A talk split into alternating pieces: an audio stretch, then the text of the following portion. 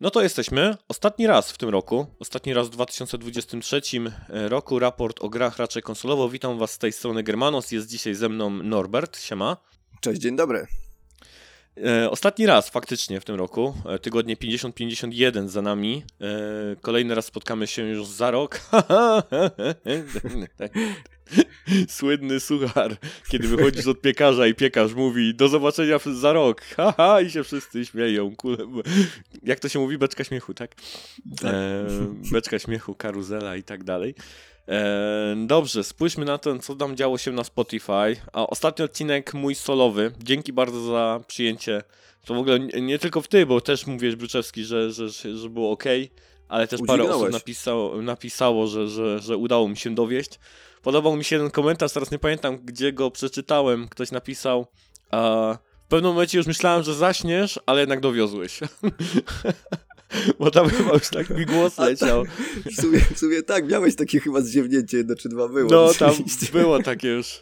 Ale no to, to, jest... Ej, to, to wysiłek no. pokazuje, jaki to był wysiłek. No, no. no, ale to jest naprawdę męczące, takie po prostu mówienie o tych newsach, tam jeden po drugim przez tam te prawie półtora godziny, czy ile mi tam wyszło tego? No, no trochę tego, te, tego było. E, ale dziękuję po pierwsze też, bo ankieta, którą, o której zawsze gdzieś tam prosimy, jak oceniacie e, odcinek, 100% 10 głosów na łapkę w górę, więc nawet więcej niż na tym poprzednim, więc dzięki bardzo, że się odcinek podobał, jak ktoś tam słuchał. Mamy też kilka odpowiedzi w ankiecie pisemnej, gdzie zapytam zawsze, czy coś poknociliśmy, czy coś wymagało korekty, e, abyście nam dali znać.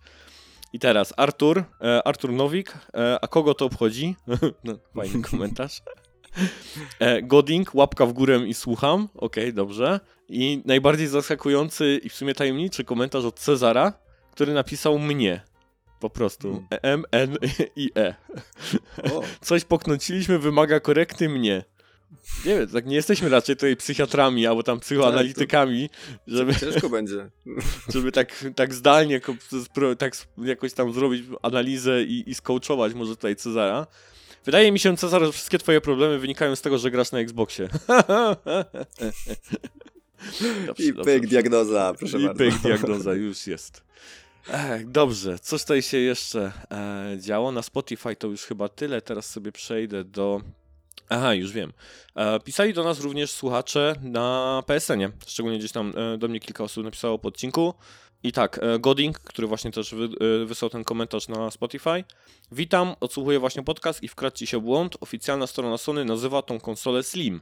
I tutaj muszę powiedzieć, że bardzo dziękuję za korektę, bo sprawdziłem sobie i faktycznie w sklepach tym takim oficjalnym, tym PlayStation Directie to nazywa, tak? Co w Anglii można sobie zamówić bezpośrednio od PlayStation e, tą konsolę.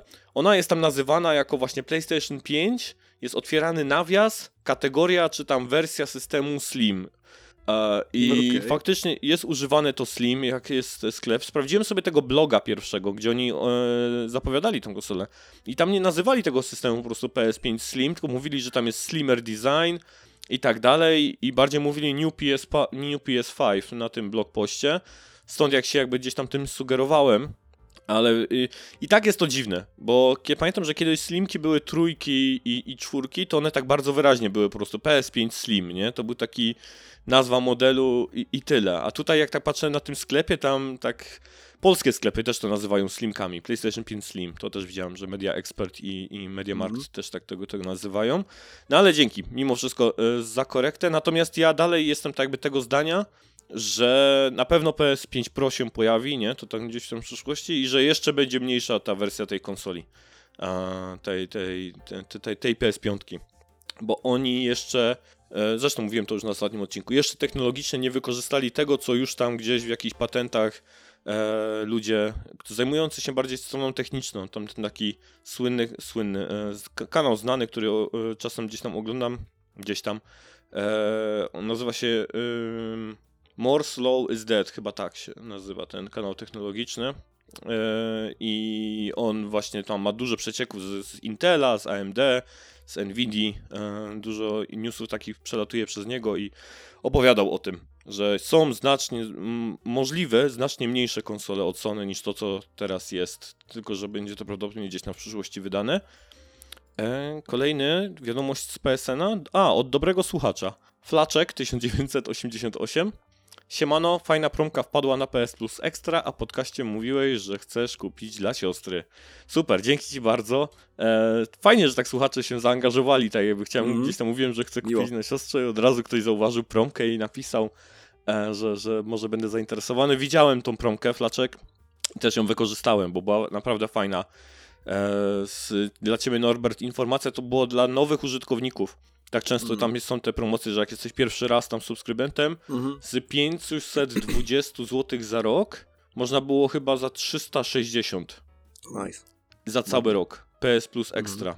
Co jest po prostu mega. Dla mojej siostry, która sobie to już aktywowała i tak dalej, to ta biblioteka tam gier jest niesamowita. E, Ona i tak nie zamierzała tam jakby grać dużo, albo tam kupować specjalnie gry, więc nadrabia teraz bardzo dużo tytułów. No ekstra jest naprawdę fajną wartością. Za tą kasę, którą się dodaje jest mega wartość.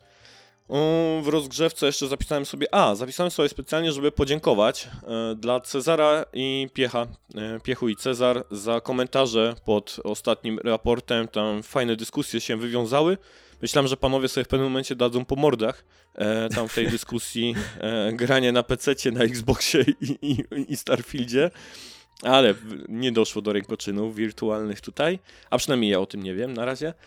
E, więc, ale mimo wszystko zaangażowanie w komentarzach i też te pytania, które wrzucili do odcinka już tutaj nam obecnego, o których zaraz będziemy gdzieś tam mówić, bo przypominam, e, upubliczniliśmy naszą listę newsów, według której się przygotowujemy. E, ona się pojawiła faktycznie na kilka dni przed nagrywaniem, dokładnie w środę, czyli w środku tego dru- drugiego tygodnia e, newsów. I kilka osób dało znać, że może normalnie wbić, że link działa, są widoczne te, te wiadomości, więc e, to super. W ten sposób będziemy gdzieś tam kontynuować e, wysyłanie ich. No i ostatnia rzecz, już w rozgrzewce i przejdziemy do mięska. E, mam ankietę. Co roku nagrywam taki podcast na początku, powiedzmy, zaczynającego się gdzieś tam kolejnych 12 miesięcy, którym przypominam sobie przez jakie wydarzenia, co najważniejszego wydarzyło się w minionych 12 miesiącach i jak zapamiętam ten rok. E, te, te, te materiały nazywają się Przez co zapamiętamy 2022, 2023 chyba dwa się takie pojawiły do tej pory. Dwa albo trzy nawet, już teraz nie pamiętam jak tam na kanale to to było. Bruczewski, jeszcze ty uczestniczyłeś w formie wysyłania tych wiadomości, tego, tych rzeczy, które tam e, ty zapamiętałeś. E, o, w ostatnim roku zapomniałem o tym, dwa lata temu było tak fajnie, że dużo osób napisało o swoich gdzieś tam jeszcze wiadomościach. E, I teraz tak, jak wejdziecie sobie na raczejkonsolowo.com łamane przez ankieta, jest tam po prostu formularz e, e, kontaktowy, taki formularz w formie ankiety, gdzie prosiłbym Was o wypisanie takich najważniejszych wydarzeń, przez które zapamiętacie 2023, jeśli chodzi o gry wideo, tak? Co dla Was najważniejszego się wydarzyło, co będzie takim momentem, który będziecie wspominać, że a, no tak, 2023 to to. E, Niekoniecznie musi być to jedna rzecz, możecie wypisywać ich więcej. E, Przyda mi się to właśnie, kiedy będę się przygotowywał do kolejnego materiału na raczej konsolowo na kanale, gdzie ja będę mówił o moich wydarzeniach i na końcu chętnie też bym się e, odniósł do tego, co dla Was było ważne. E, Więc e, ta ankieta sobie trochę pożyje, e, aż do momentu, aż w końcu nagram ten materiał. Więc jeszcze raz www.raczejkonsolowo.com łamane przez ankieta. I to by było na tyle z rozgrzewki. Uff, dobrze. Jesteś tam jeszcze, Norbert? Jesteś, jesteś. Je, jestem. Dobrze, dobrze. dobrze. Okej, no to w takim razie mięsko. Mamy dwie aktualizacje. Mikami i Kamiya, jeden chce, drugi nie. Tak no, zatytułowałem sobie tego newsa. E, użytkownik portalu X, muszę się przyzwyczaić do tej nazwy, Genki, ja go też e, śledziłem swoją drogą, on tam często z Japonii Mhm. jakieś tam new- nowinki przerzuca, zrobił szybkie podsumowanie tego, o czym panowie rozmawiali podczas panelu Archipel. Niestety na Patreonie Archipela się ten nie pojawił e, z tego materiału. Tak myśleliśmy, że tam są pewnie sponsorzy, e, nie można tego upublicznić, więc może za jakiś czas się coś pojawi, e, mam nadzieję, z napisami. Natomiast jest właśnie podsumowanie od e, Genkiego. I tak, e, Kamiya-san był bardzo zdenerwowany występem na scenie z Mikamim i bardzo go szanuje. Kamiya powiedział, że Mikami nauczył go wszystkiego, co wie. Mikami nie jest zainteresowany ponowną pracą nad serią Resident Evil. E, Kamiya nadal miał nadzieję, że DMC 1, czyli Devil May Cry 1 pozostanie grą w stylu Resident Evil. Lol. Powiedział Tak. jednak, że zmiana pomogła mu wymyślić nowe koncepcje, które weszły do gry. E, ja pamiętam, że DMC 1 miało być właśnie dalej takimi tank kontrolami w stylu tego e, Resident Evil, nie? Na początku Mhm. w fazie koncepcyjnej i Tak, tak dalej. tak, tak. Faktycznie tak było. A Kamiya chce zrobić Beautiful e, Joe 3, no wcale mnie tu nie dziwi. Beautiful Mhm. Joe to jest taka po prostu dla mnie wzorowa gra Kamii. Jak myślę o Kamii, to właśnie mi się ten, ten Mhm. szaleństwo Beautiful Joe przypomina. E, Mikami i Kamila chcieliby zobaczyć nową grę o Kami, o to jest ciekawe. Super. Kamiya poniósł porażkę przy Resident Evil 1.5. To chyba był ten Director's Cut, nie? E, Nie, wiesz co, tam jest e, ta wersja taka, co krąży czasami po necie, e, parę artykułów net o tym było, e, takie Resident Evil 2, tylko jeszcze nie w tej wersji takiej kompletnej, tylko tam jakieś pierwsze już pomysły, tam inni bohaterowie są chyba nie Leon i Claire, co ty mówisz? takiego, jest taka jakaś taka wersja, no i, i tam właśnie była ona już w jakimś do, zaawansowanym stadium, ale oni to w końcu do kosza skierowali, bo tam właśnie było dużo rzeczy, które im nie pasowało i jakby zabrali się od początku i właśnie dlatego powstała później ta dwójeczka już w tej kształcie, jakim znamy. No okej. ja- Stawiałbym, że to o tą chodzi wersję. A, patrz, to ja nawet nie wiedziałem tego kawałka historii tej serii. Ja ją zresztą dopiero poznaję. Tak naprawdę ukończyłem wczoraj albo przedwczoraj. E, wczoraj, bo był taki dzień, że miałem wolne, bo to już święta. I chyba 6 godzin z buta po prostu grałem w Resident Evil 1 w ten HD remake. A jestem zachwycony. Tak naprawdę ja sobie myślę, kurde, gdzie by to wplasować w moich topie tego ro- roku, ale tak mi Mm. się spodobał a, ta gra, że, że, że szok, naprawdę. Bardzo. Jedynka w tym remake'u super. Eee, czek, no, aż mnie tak korci, żeby jeszcze raz przejść, bo grałem Chrisem, e, a Mhm. korci No mnie. to trudniej. Co wziąłeś trudniej na początek, czyli A, nie wiedziałem, że Chrisem jest trudniej. No, on ma tam chyba właśnie za, za zasobami dużo, dużo gorzej. Właśnie jakoś takie. Każdy tak było w oryginale, bo ja w ten remake nie grałem, ale w oryginale było tak, że Chrisa właśnie ścieżka była trudniejsza na początek. Jak się chciało, wiesz, wdrożyć w grę, to się Mm. zaczynało Jill. A Chris miał właśnie tam startował z mniejszą ilością amunicji, ze słabszą bronią w ogóle. Później nie miał też tego e, wsparcia drugiego bohatera, który tam się pojawia, wiesz, jak grasz tą, jak grasz tą Jill, więc tam dużo różnic było takie, które utrudniały Okej. rozgrywkę. To, to Okej, ładnie, żeś okej. się rzucił na głęboko. Ale wiesz to, to nawet nie chodzi o to, bo to. Mm, znaczy, mm, nie ma to znaczenia, bo ja i tak grałem na tym najniższym poziomie trudności. Potem się w ogóle dowiedziałem, że tam, to jest akurat głupota, e, że poziomy trudności tam są opisane jako e, normal, easy i very easy. Tak jakby nie ma hard, normal, easy. Tylko Mhm. zaczyna się od normala do very easy i one nie są opisane nazwami, tylko jakimiś tam opisami. E, chyba jest tam, e, wiesz, jest, jest mountain climbing, hiking i, A, i, okej. i, i spacerek czy coś takiego, nie? I wiesz, i, i do końca nie wiesz o, o co chodzi. Mhm. Więc ja przeszedłem to na najniższym poziomie trudności. Ja za głosem Ani tak naprawdę nie chciałem mieć wyzwania, chciałem się po prostu dobrze bawić w, te, w tym tytule. Mhm. I głównie zagadki, atmosfera i te rzeczy to mi się strasznie gdzieś um, podobało. Dobrze, ale co tutaj, e, bo straciliśmy tego newsa gdzieś tam z, e, ze wzroku. Uciekł. E, tak, Kamiya poniósł porażkę w Resident Evil 1.5, ale Mikami dał mu kolejną szansę i pozwolił mu wyreżyserować Resident Evil 2, co było kluczowym momentem w jego karierze. No to trzeba było mieć jaja, nie? Żeby, wiesz, Mhm. dać gościowi, który spaprał cały projekt, e, wyreżyserowanie kolejnego, nie? No, z taką wiarą się wiarę podniesie, nie? I to ogarnie. Wiarę, wiarę w ludzi, więc no, to jest Mhm. szapoba, e, jako leadership, taki skill e, u, u, u Mikamiego. E, Mikami powiedział, że wykonanie PN03 zajęło mu pół roku, a God Hand około roku. Ja sobie sprawdziłem gameplay, bo ja nie wiedziałem o co chodzi z tym e, PN03. To jest jakoś czytane jako Pino, czy jakoś. Jakoś tak się chyba czyta ten tytuł. To jest tak dziwne. E, widziałeś to może na GameCube, jak to wygląda? To jest taka agentka, odświeżyć. tak w trzeciej perspektywy, taka, ta gra się takim, nie wiem, czy to cyborgiem, kobietą, czy coś takiego. Jak Mhm. ona strzela, to ona wali takie pozy po prostu, jakby wiesz, z gimnastyki, nie? Jak, jak, jak- strzela, a jak robi przewroty, to też robi gwiazdy gdzieś tam na boki. Hmm, taki vibe bajonety trochę. No, tylko że to jest shooter taki na szynach, bo to jest, wiesz, kamera jest cały czas ustawiona Okej. za tobą i wiesz, i, i tylko i wyłącznie biegniesz i strzelasz do przodu, nie? I chowasz się za przeszkodę, tak wiesz, tylko nawet nie ma tam coveru, nie? Ale strasznie dziwna gierka, muszę powiedzieć, no ale robi ją w pół roku, nie dziwię się. A potem God Hand e, około roku. No i ostatni komentarz, w ogóle panowie nie rozmawiali o Dino Crisis. Więc jeżeli Aj. ktoś... Aj, aj, aj, aj, aj. Niestety, niestety. Coś z tego, taki, e, któryś z tych punktów e, tobie się najciekawszy wydawał? Wiesz co, no troszkę o tym, e, że Mikami nie chciałby już tego rezydenta wrócić w ogóle do tej serii. To, to jest takie ciekawe, bo e, chętnie bym zobaczył, jaką on miałby teraz perspektywę i co mógłby zaproponować dla tej serii. Jaki on miałby w ogóle pomysł na tą serię, na ten dalszy kierunek, bo sporo się pozmieniało, odkąd jeszcze wtedy on pracował na, Mhm. nad rezydentami i ciekawe, czy byłby w stanie coś wnieść, coś odświeżyć, czy może właśnie szedłby utartymi ścieżkami. To jest takie, wiesz, nigdy się pewnie tego już nie dowiemy, ale mnie to tak ciekawiłoby zobaczyć taką jakąś, wiesz, alternatywną rzeczywistość, w której Mikami się tego podejmuje i zacząć, co zrobił z rezydentem wtedy. Mm, no troszkę prawdopodobnie mamy jakiś taki, wiesz, okienko w to przez Evil Within, tak? Em, w jakim kierunku mogłoby to gdzieś tam pójść, więc no prawdopodobnie trochę z tego wzięte. Ale tak, dla mnie to też było akurat ciekawe. Chodzi, ja się skupiłem jakoś na tym, że pa oboje panowie widzieliby kolejną odsłonę okami. No No tak, to, to by było super. to ja też tutaj siedzący też bym chętnie zobaczył kolejne okami. Mhm. Um, kolejna ak- aktualizacja, fani cyfry, tym razem wam się upiekło. E, Sony dogadało się z Warner Brothers i content jednak nie zostanie usunięty. E, mówiłem o tym, że tam są problemy z tym, że nawet jeżeli kupiliście tam, to znaczy prawdopodobnie nikt ze słuchaczy naszych, e, filmy dokumentalne, tam e, seriale Discovery na własność, to właśnie ta własność taka jest nie do końca, bo zostaną one skasowane, nie będzie można ich ani ściągnąć, ani obejrzeć ponownie. No okazało się, że Sony dogadało się z Warner Brothers, podpisali nową umowę, która będzie chyba na kolejne 12 miesięcy, wydaje mi się, tam było. Kolejny rok chyba, e, czy, czy, czy coś w tym rodzaju, więc no dla mnie odroczone. Co nie zmienia Możliwe, faktu, że moje zdanie na możliwe, że temat własności nie? cyfry to, to, to... Co mówisz, co mówisz?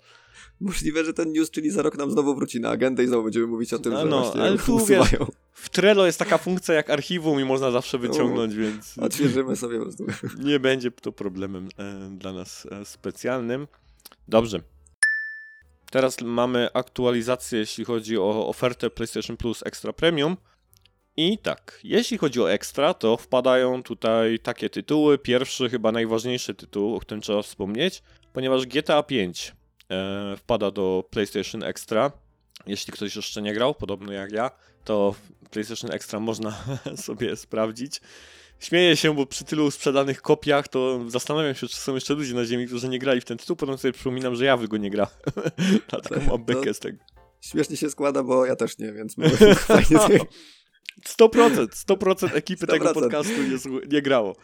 Więc- Robimy ankietę i właśnie wychodzi jaka jest niska popularność tego GTA, nie? Tak proszę, no 100% osób nie grało u nas wśród badanych, no. No, jakiś taki mało znany tytuł. Um, następnie Stranger of Paradise Final Fantasy Origins. To jest e, też ciekawa produkcja. MotoGP e, 23, potem Metal Hellsinger, e, Salt and Sacrifice. E, Salt and Sacrifice, to zawsze chciałem w to, zagrać. O, Moonscars, Mega Man 11, Gigabash, Grime, Tinykin, Produce i następnie Shadowrun Returns, Dragonfall i Hong Kong. Trzy odsłony gdzieś tam w serii Shadowrun. E, Z tego ekstra, no to tak dla mnie to właśnie, no gdybym miał, nie, to ten Stranger of Paradise to jest taki, chętnie bym sobie sprawdził i Salt and Mhm. Sacrifice. E, to jest chyba kontynuacja, pierwsza gra się nazywała Salt and Sanctuary chyba. I to jest taki wzorowany Możliwe, tak. na Dark Soulsach, Bloodborne, taki 2D. E, on ma taką stylistykę cały czarno-biały, jest malowany, ale czarno-biały, Mhm. więc nie wiem, czy może gdzieś tam kojarzysz, ale to jest tego rodzaju e, produkcja. Czy coś dla ciebie z tego ekstra na razie?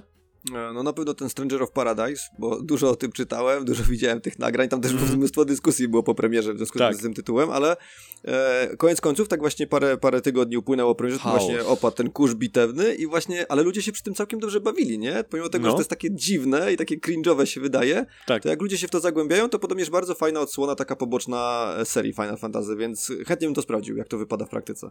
Mhm. I też Tinykin, o którym pamiętam, że Bartek i Ania zarówno się gdzieś tam na Gamecastie wypowiadali bardzo ciepło.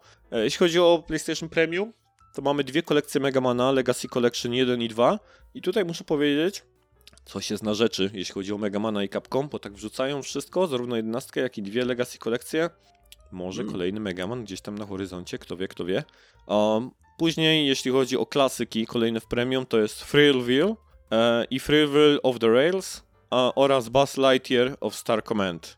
I tutaj mam wykrzykniki przy Freeville zaznaczone, albowiem ja w ogóle jestem chory, ale będę to wszystko wycinał, te, te moje kaszle. Wow. E, przy Freeville dlatego mam wykrzykniki, albowiem to są natywne gry PS2. Po raz pierwszy w tych klasykach pojawiają się gry PS2, które są po prostu emulowane. Tak jak było do tej pory PS1 gry, PSP, to to są pierwsze gry PS2. Czyli już wchodzimy w ten okres, kiedy mogą się zaczynać pojawiać coraz więcej tytułów e, stricte natywnych e, z Playa 2 e, w tych klasykach. Więc e, warto Super. sobie to po- zastanowić, znaczy zastanowić, e, wziąć pod uwagę, tak? Dlatego to jest według mnie dosyć istotne. O ile Thrillville to nie jest gra, w którą pewnie chciałbym gdzieś tam sprawdzić jeszcze raz, czy zagrać, to to jest dosyć ważna dla mnie informacja, bo to może oznaczać, że będą się pojawiać w kolejnych miesiącach po prostu też klasyki nie tylko z Play 1, z PSP, Z ale też z Playa Mhm. 2. Super. Więc, e, czas- Super. czasy czarnuli e, gdzieś się zaczną do, do premium e, wkraczać. No i też przy okazji warto powiedzieć o liście gier, które znikną z oferty ekstra.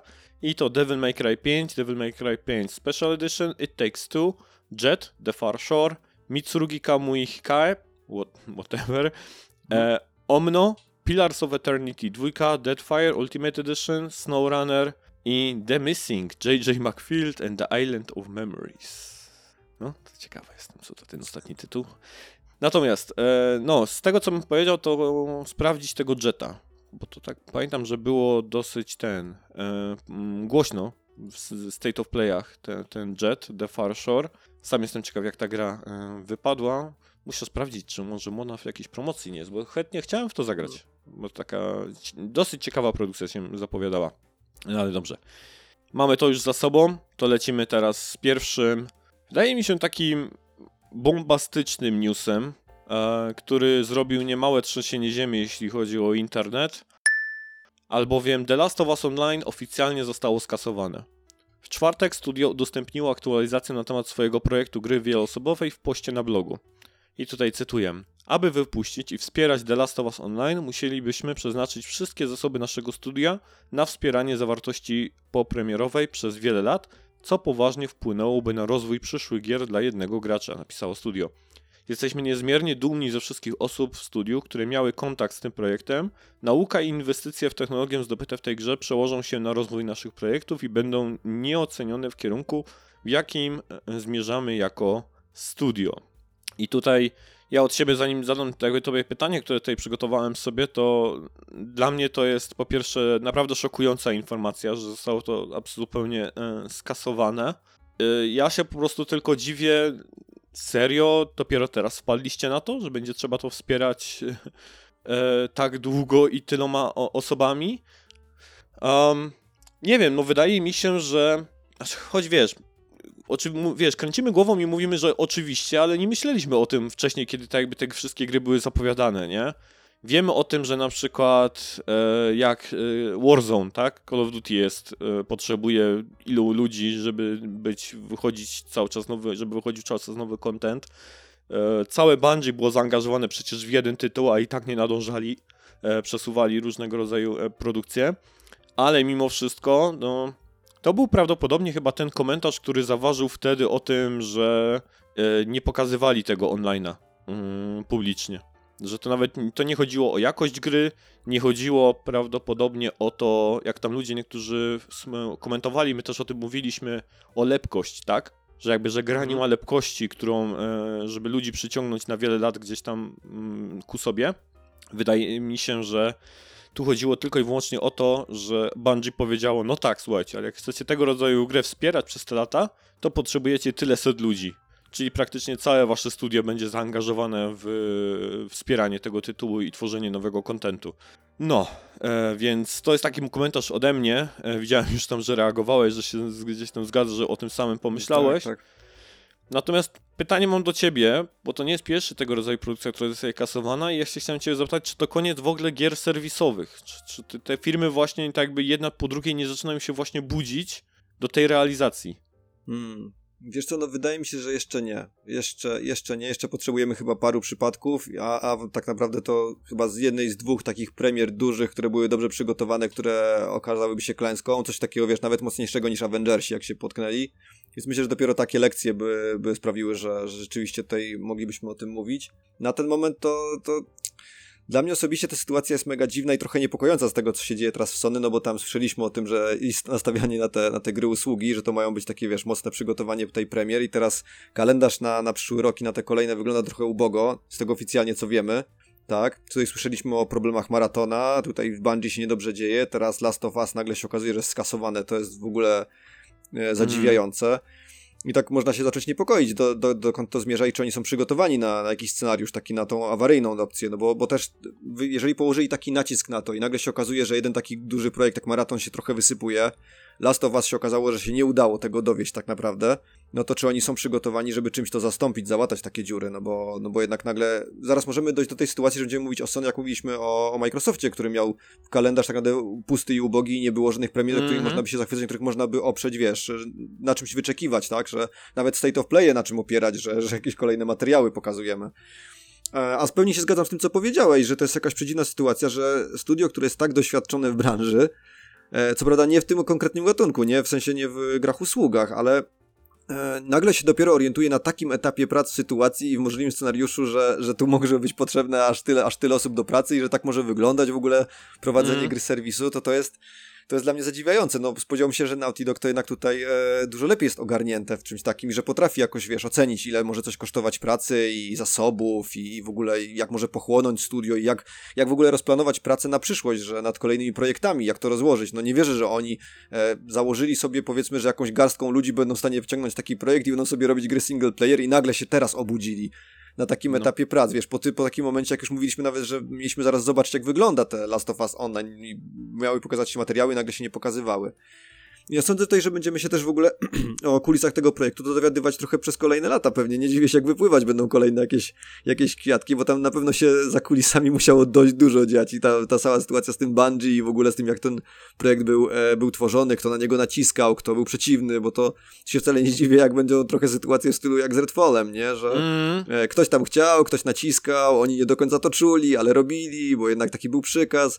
Zastanawiam się, jak, jak, to, jak to wyglądało i co co z tym będzie. I dziwi mnie też w tym wszystkim to, że mm, to, że rozmawialiśmy o tym chyba przy okazji już właśnie tych, tych plotek o ten Last of Us Multi, że, że oni nie poszli w końcu nawet, ok, skoro nie wypalił im ten motyw, że zrobimy z tego grę usługę, to że nie idą po prostu w taki zwykły multiplayer, jak, jak było w przypadku jedynki, nie?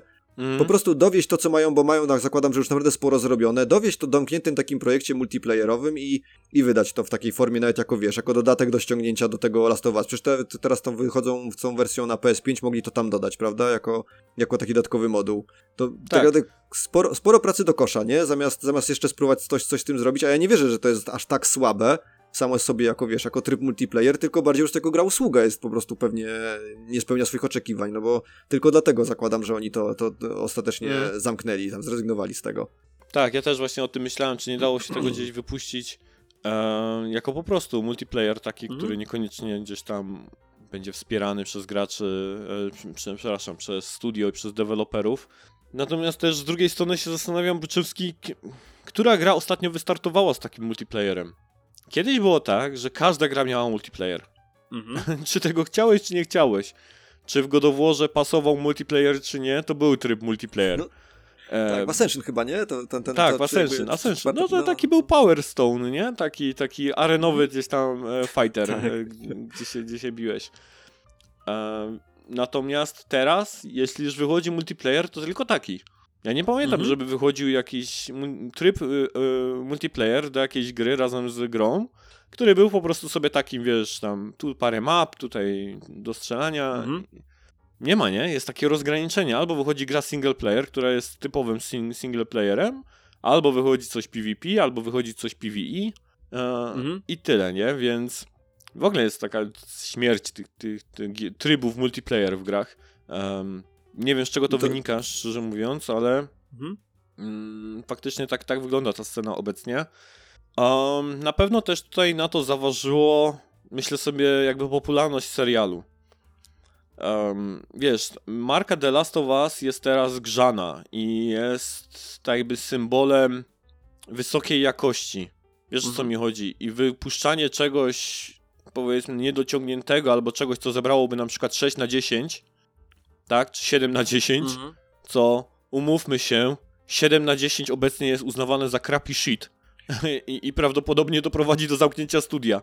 Um, ciągle ten materiał mam do nagrania, ale jest to cholernie frustrujące do, dla mnie, e, kiedy dzisiaj się dowiedziałem, że studio odpowiedzialne za Firewall Ultra, za tą grę shootera na VR, o której mówiłem, no gra zebrała 62 na 10, ale zostaje zamknięte. E, dzisiaj tam chyba nawet wrzuciłem, czy nie, nie pamiętam teraz już do agendy jeszcze na szybko tego newsa, ale też się zamyka, tak? E, za, za grę za 6, na 6 na, na 10. Więc wypuszczenie czegoś poniżej wie, y, dziewiątki z, de, z, z, nazwą The Last of Us może jest dla Sony zbyt ważne, tak? Ta marka obecnie, tak? E, może tak być. Przecież za niedługo będą te mm, Golden Globes, tak się to nazywa, te, te nagrody, gdzie prawdopodobnie serial też nazbiera nagród. E, i, I zarówno za, za główne role, za scenariusze i tak dalej, więc... Więc na pewno serial też tutaj do tego się przyczynił, ale tak, no ja też wiesz, no nie trzeba było kupować Bungie, żeby się przecież o tym dowiedzieć, tak? Że, że jakie wsparcie mm -hmm. jest potrzebne dla tego rodzaju gdzieś produkcji. Też z drugiej strony pomyśl sobie, bo ty powiedziałeś o tych innych grach, o maratonie i tak dalej, fajnie zaznaczyłaś, ale e, Fair Play i Concord dalej wychodzą, nie? Przynajmniej mm -hmm. na mhm. chwilę obecną, tak? Czyli to są gry, mhm. które mhm. przeszły tak jakby ten czek, nie? I, I studio gdzieś tam, znaczy Sony jakby wkalkuluje, że będzie miało ty, te osoby na wspieranie tych tytułów e, w tych, bo tak, Fair Play robi Haven, tak, jeśli dobrze kojarzę, tam gdzie Jade Raymond e, w Kanadzie, mhm. to chyba jest ta ekipa, robi Fair Play, a Concord to jest ten, Fire Sprite i to są znowu, wydaje mi się, Wielka Brytania jeśli chodzi o, o Fire Sprite. Trochę o tym wspominał właśnie Piechu e, w komentarzu, który teraz też przeczytam. Co do The Last of Us Online, to z jednej strony dobrze, że kasują ten tytuł, bo część ekipy piesków musiałaby siedzieć i rozwijać tytuł, dodawać nowy content. Z drugiej strony mogliby go wydać tak, jak chcieli na początku. Przed tym ich tak e, się rozrósł pomy pomysł, że go jeszcze rozwiniemy. Ja jestem przeciw e, Games as a Service od devów Sony, co świetnie się znają na singlówkach już przykład Redfalla pokazał, że jak ktoś robi dobre singlówki, to lepiej, żeby nie zabierał się za online. Jak Sony chce gasy, to niech kupują studia, które na tym się znają, a nie biorą swoje najlepsze studia do singlówek. W tym roku wyszła jedna gra First Party i w następnym roku jest, jak na razie nie ma nic ogłoszonego, a to wina Jimbo i jego chcę 12 gasów i tyle. No tak, no, trudno się tutaj nie zgodzić. I o, to jest coś, co pamiętam jak mówiłeś o tych e, grach, e, że niedługo Sony będzie jak Microsoft i nie będzie miało tak jakby tytułów w ogóle żadnych wydawało e, w roku. Umówmy się, 2023 był cholernie biedny. Tam mm -hmm. jest Spider-Man i nic więcej.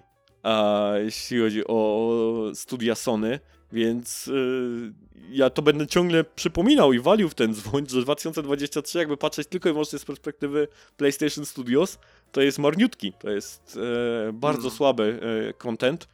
E, jak na, jak, na PlayStation, ogólnie, jak na w każdych gdzieś tam, zarówno Nintendo, Xbox, jak i na PlayStation, to słabiutko z całej trójki wypadli. Tylko, że po prostu zalepili sobie to wszystkimi tymi gigantycznymi produkcjami, które wychodziły, tak? Także na Playu 5 i dlatego nikt tego mm. nie odczuł, bo mieliśmy tyle 90., 95., że tak. ludzie tak jakby nie zauważyli tego, że nic od Sony się nie pojawiło praktycznie przez cały rok. Ale tak. No ja z tymi serwisami, znaczy no zgadzam się, nie? Fajnie jakby te studia sy, y, y, y, single player i kampaniowe takie, tak jakby trzymały się tego i robiły to, co robią dobrze. Tylko, że wiesz, Bruczewski, bo to się trochę nie spina finansowo po, po prostu. No, te budżety są tak duże e, i te gry kosztują tak wiele, a, że to się po prostu nie spina i, i no ja jestem bardzo ciekaw, do czego to wszystkiego doprowadzi. Teraz jeszcze te, te zawirowania to też przecież są koszta finansowe, które będą wpływały na te, um, na te kolejne e, produkcje. I Piechu, ja też bym chciał, żeby Sucker Punch, Insomniac, Naughty Dog, Santa Monica cały czas robiły singlówki, nie? Tylko będziemy o tym za chwilę mówić. Spider-Man 2 kosztował ile? 315 milionów dolarów? Tak. 315 milionów dolarów! To jest... Wcześniej przy tym, przy tym wycieku, wcześniej pamiętasz, co ten kolej zamazywał e, tak nieudolnie te, te, tam też wyciekły, tam były 200 parę milionów chyba No tak, tak, The Last of Us 2 nie? 220, The Horizon 200 chyba 40. Więc to też tylko rosną te kwoty, do tego jeszcze trzeba tak. wziąć uwagę, skoro, skoro tu już mówimy 300 milionów nagle, zaraz się okaże, że będziemy mówić 400, no więc...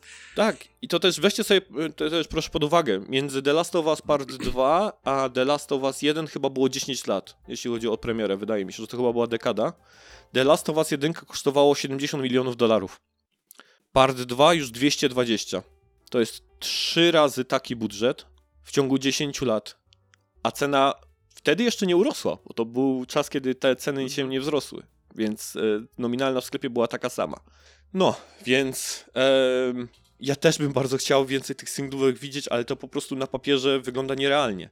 Jestem bardzo ciekaw, co się stanie e, z, tym, e, z tym tematem. Czy będziemy po prostu dostawać krótsze gry za taką cenę i będziemy sobie musieli po prostu przyjąć to za, za, za, za nowy stan rzeczy? No nie wiem. Coś jeszcze do dodania od ciebie, Byczewski? Wiesz co, tak, e, taki wniosek mam na koniec, tak jak wspomniałeś o tym, e, że mm, te gry 60 są uznawane za krapy. I tak sobie teraz tak myślę, e, taka fajna klamra, wniosek na koniec może do tego, co tutaj rozmawiamy, że tak naprawdę sami na siebie tutaj kręcimy bicz jako gracze. Do, mhm. My sobie w sumie to kształtujemy, no bo z jednej strony tak, ty, takie tytuły 60 od razu mogą doprowadzić do upadku studia, bo dla nas 60, tak dla, dla dużej części mówiąc, dla nas graczy, po prostu nagle traktuje nas jako wszystkich graczy że, że dla nas to potrafi być już od razu informacja, że to nie warto w ten dany tytuł sięgnąć, no bo 6,70 mm. to jest krap, tak jak powiedziałeś, nie? Mm. Do tego jeszcze e, mamy to, to właśnie takie podejście e, do tego multiplayera, chociażby właśnie myślę, tak sobie, że dlaczego właśnie to, jak wspomniałeś, Last of Us się nie ukazało, bo, bo ten multiplayer już w tej takiej klasycznej formie odchodzi i to jest kurczę prawda, no bo zobacz jak, jak gracze alergicznie reagują na jakąkolwiek informację, że na przykład jakakolwiek e, gra, która jest nastawiona na multi, albo ma jakiś moduł multi, e, przestaje być wspierana, na przykład nie ukazuje się do niej nowy content. Nagle nie ma żadnego Battle Passa, nie ma żadnych eventów takie, to od razu e, jest przypinana łatka, gra jest martwa. Nie warto w nią grać, nie warto po nią sięgać. Wszyscy, którzy grali, to już mogą powiedzieć au revoir nie, nie, ma, nie ma co dalej się tutaj bawić, zmieniamy tytuł na inny. No więc skoro dla nas nawet już klasyczny multiplayer jest niewystarczający i nie jesteśmy w stanie się dobrze bawić, jeżeli nie dostajemy Battle Passa, codziennych wyzwań i nie dostajemy, jesteśmy tak nawalani po prostu nowymi jakimiś rzeczami, które, którymi musimy się cieszyć, no to też te, twór, te studia muszą tego inaczej podchodzić i idą w stronę właśnie tych y, gier usług i te, takiego podejścia do multi. No a przez to właśnie z drugiej strony trudniej im to udźwignąć. Mhm. No, no i właśnie wiesz, i, i, sami tak naprawdę my kreujemy sytuację, do której teraz dochodzimy, że, że przez to te studia decydują się albo właśnie e, iść w stronę gier usług, albo jakoś wydawać muszą fortunę i ryzykować wszystko, żeby, żeby to się dopięło. No to, to moim zdaniem właśnie e, taki wniosek końcowy, że można narzekać na to, jak to wygląda, ale tak naprawdę w dużej części sami za to odpowiadamy, gdzie to wszystko zmierza. Tak i e, może skoro już zamknęliśmy klamrą, nie powinniśmy otwierać, ale fajnie, że o tym wszystkim wspominasz, bo to nie jest pierwszy raz, kiedy coś takiego ja obserwuję. Bo ja też przy każdym lamencie, najpierw na lament na to, że dodatki wychodzą do gier, nie? A, bo to wycięty content i tak dalej, oszukują i, i chcą to za pieniądze, co zrobili, a wycięli. Potem lament o to, że są sklepy, gdzie można kupować po prostu content. A, bo kiedyś to się odblokowywało, a teraz to trzeba za to płacić. Potem lament na lootboxy. Przy czym ja byłem w tych wszystkich generacjach i za każdym razem się w tych grach świetnie bawiłem i nie wydawałem ani złotówki. I lament nie był jakkolwiek gdzieś tam potrzebny. A no tak jak mówię, jeżeli za każdym razem jest lament, no to szuka się innych rozwiązań, nie? No i tymi innymi rozwiązaniami po prostu są serwisy.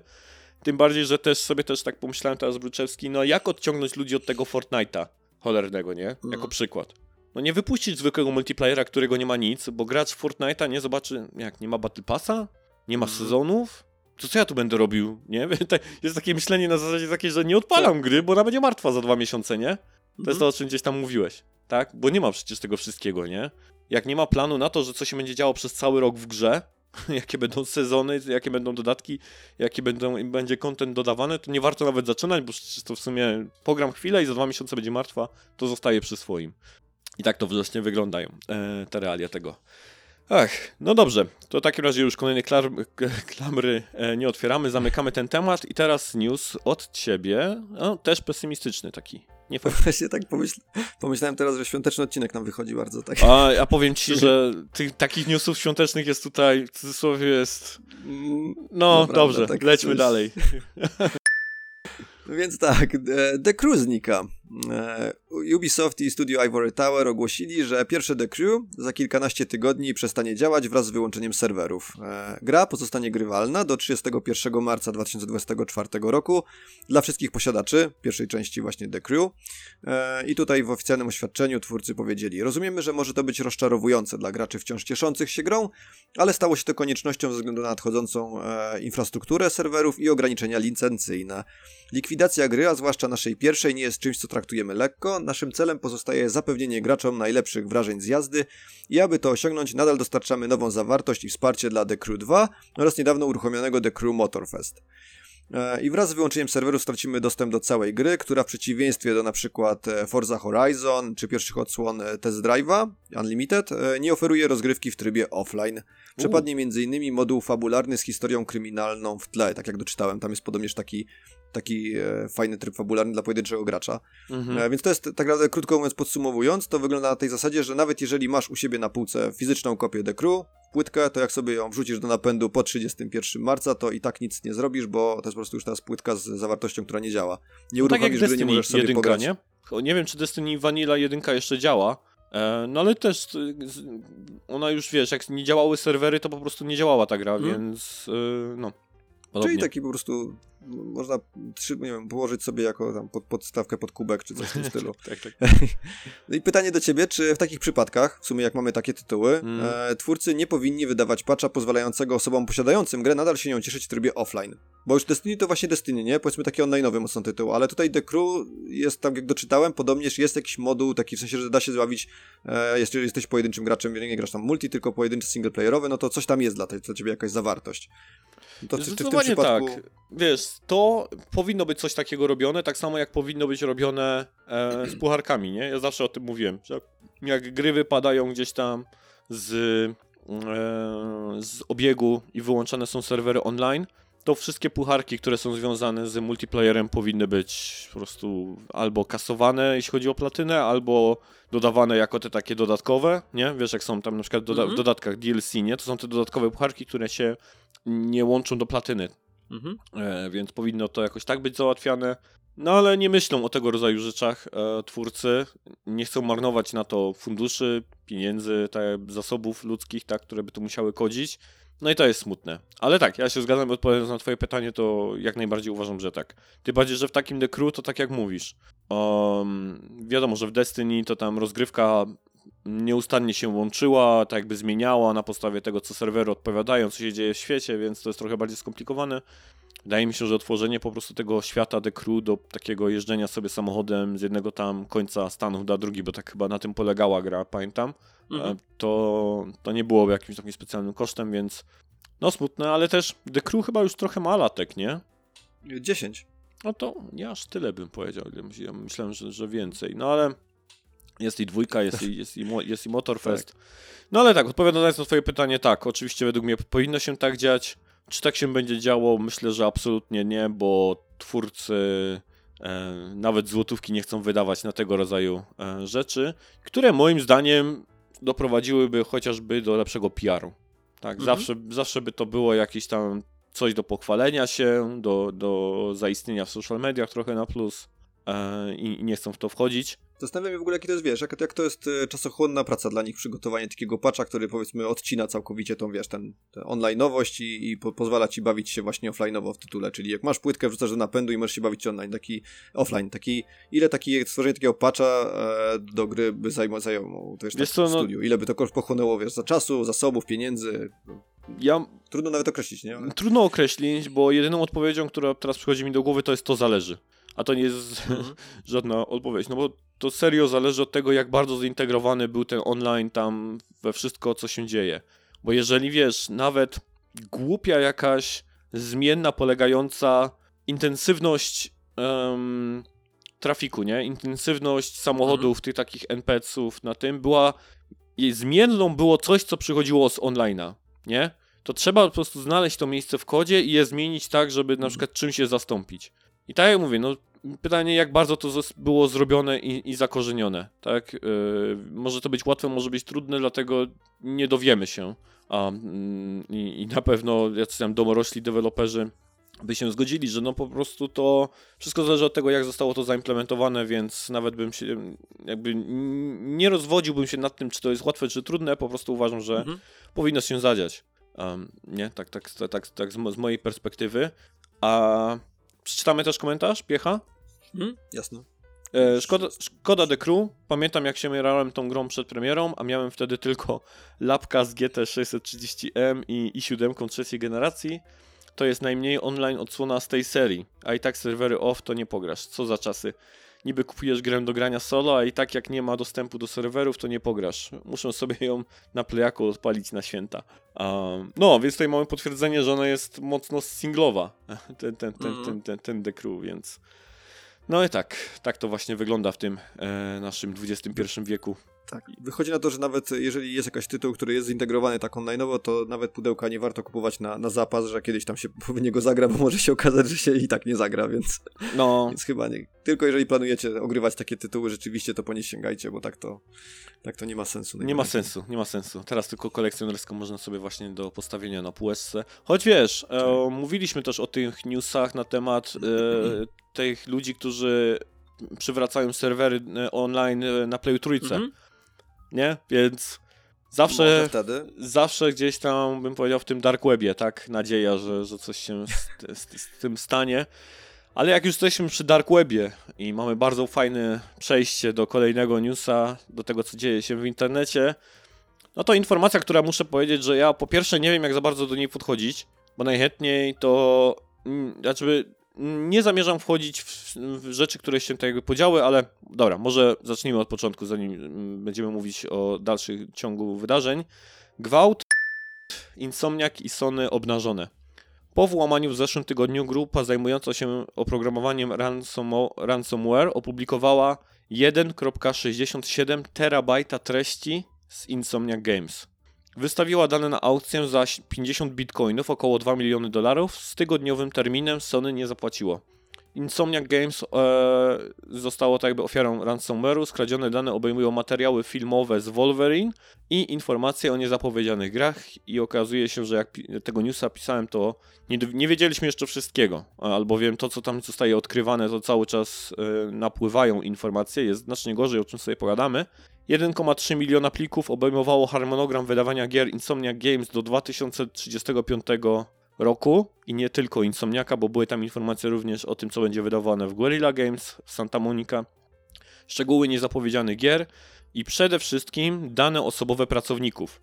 Wyciekły wszystkie dane osobowe pracowników Insomniac razem z adresami, e, kartoteką zdrowotną, tam pamiętam ludzie mówili ubezpieczenia, jakieś dokumenty prawne związane z prawem jazdy, pozwoleniem na pracę i tego rodzaju rzeczy, więc cokolwiek tylko pracownicy wysyłali, jeśli chodzi do Insomniac, do, do HR-u, to wszystko e, zostało e, ujawnione. I tutaj w sumie może od razu komentarz piecha przeczytam. Omijam ten przeciek jak tylko mogę. Nie oglądam żadnych filmów z Wolverine, nie chcę sobie robić spoilerów przed zapowiedzią. Najbardziej szkoda mi wycieku danych pracowników. Co oni zawinili, czemu nie wyrzucili tych danych o sprzedaży gier, filmów, czy też o planach Insomniaka na przyszłość. Bardzo się, e, się zdziwiłem taką słabą sprzedażą Ratcheta.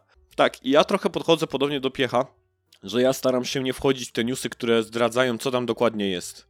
Eee, I ani o tym nie chcę jakoś tam specjalnie mówić, czy, czy, czy nagłaśniać tego. Fatalna sytuacja, szczególnie, i jeszcze raz to podkreślę, przede wszystkim z y, tych danych osobowych tych pracowników, nie? Y, Że to wszystko wyciekło na to, co powiedziałem, co się gdzieś tam dowiedziałem. Widziałem, że wrzuciłeś tutaj, Norbert, na, na dół kilka gdzieś tam informacji takich finansowych, które się dowiedzieliśmy z tego.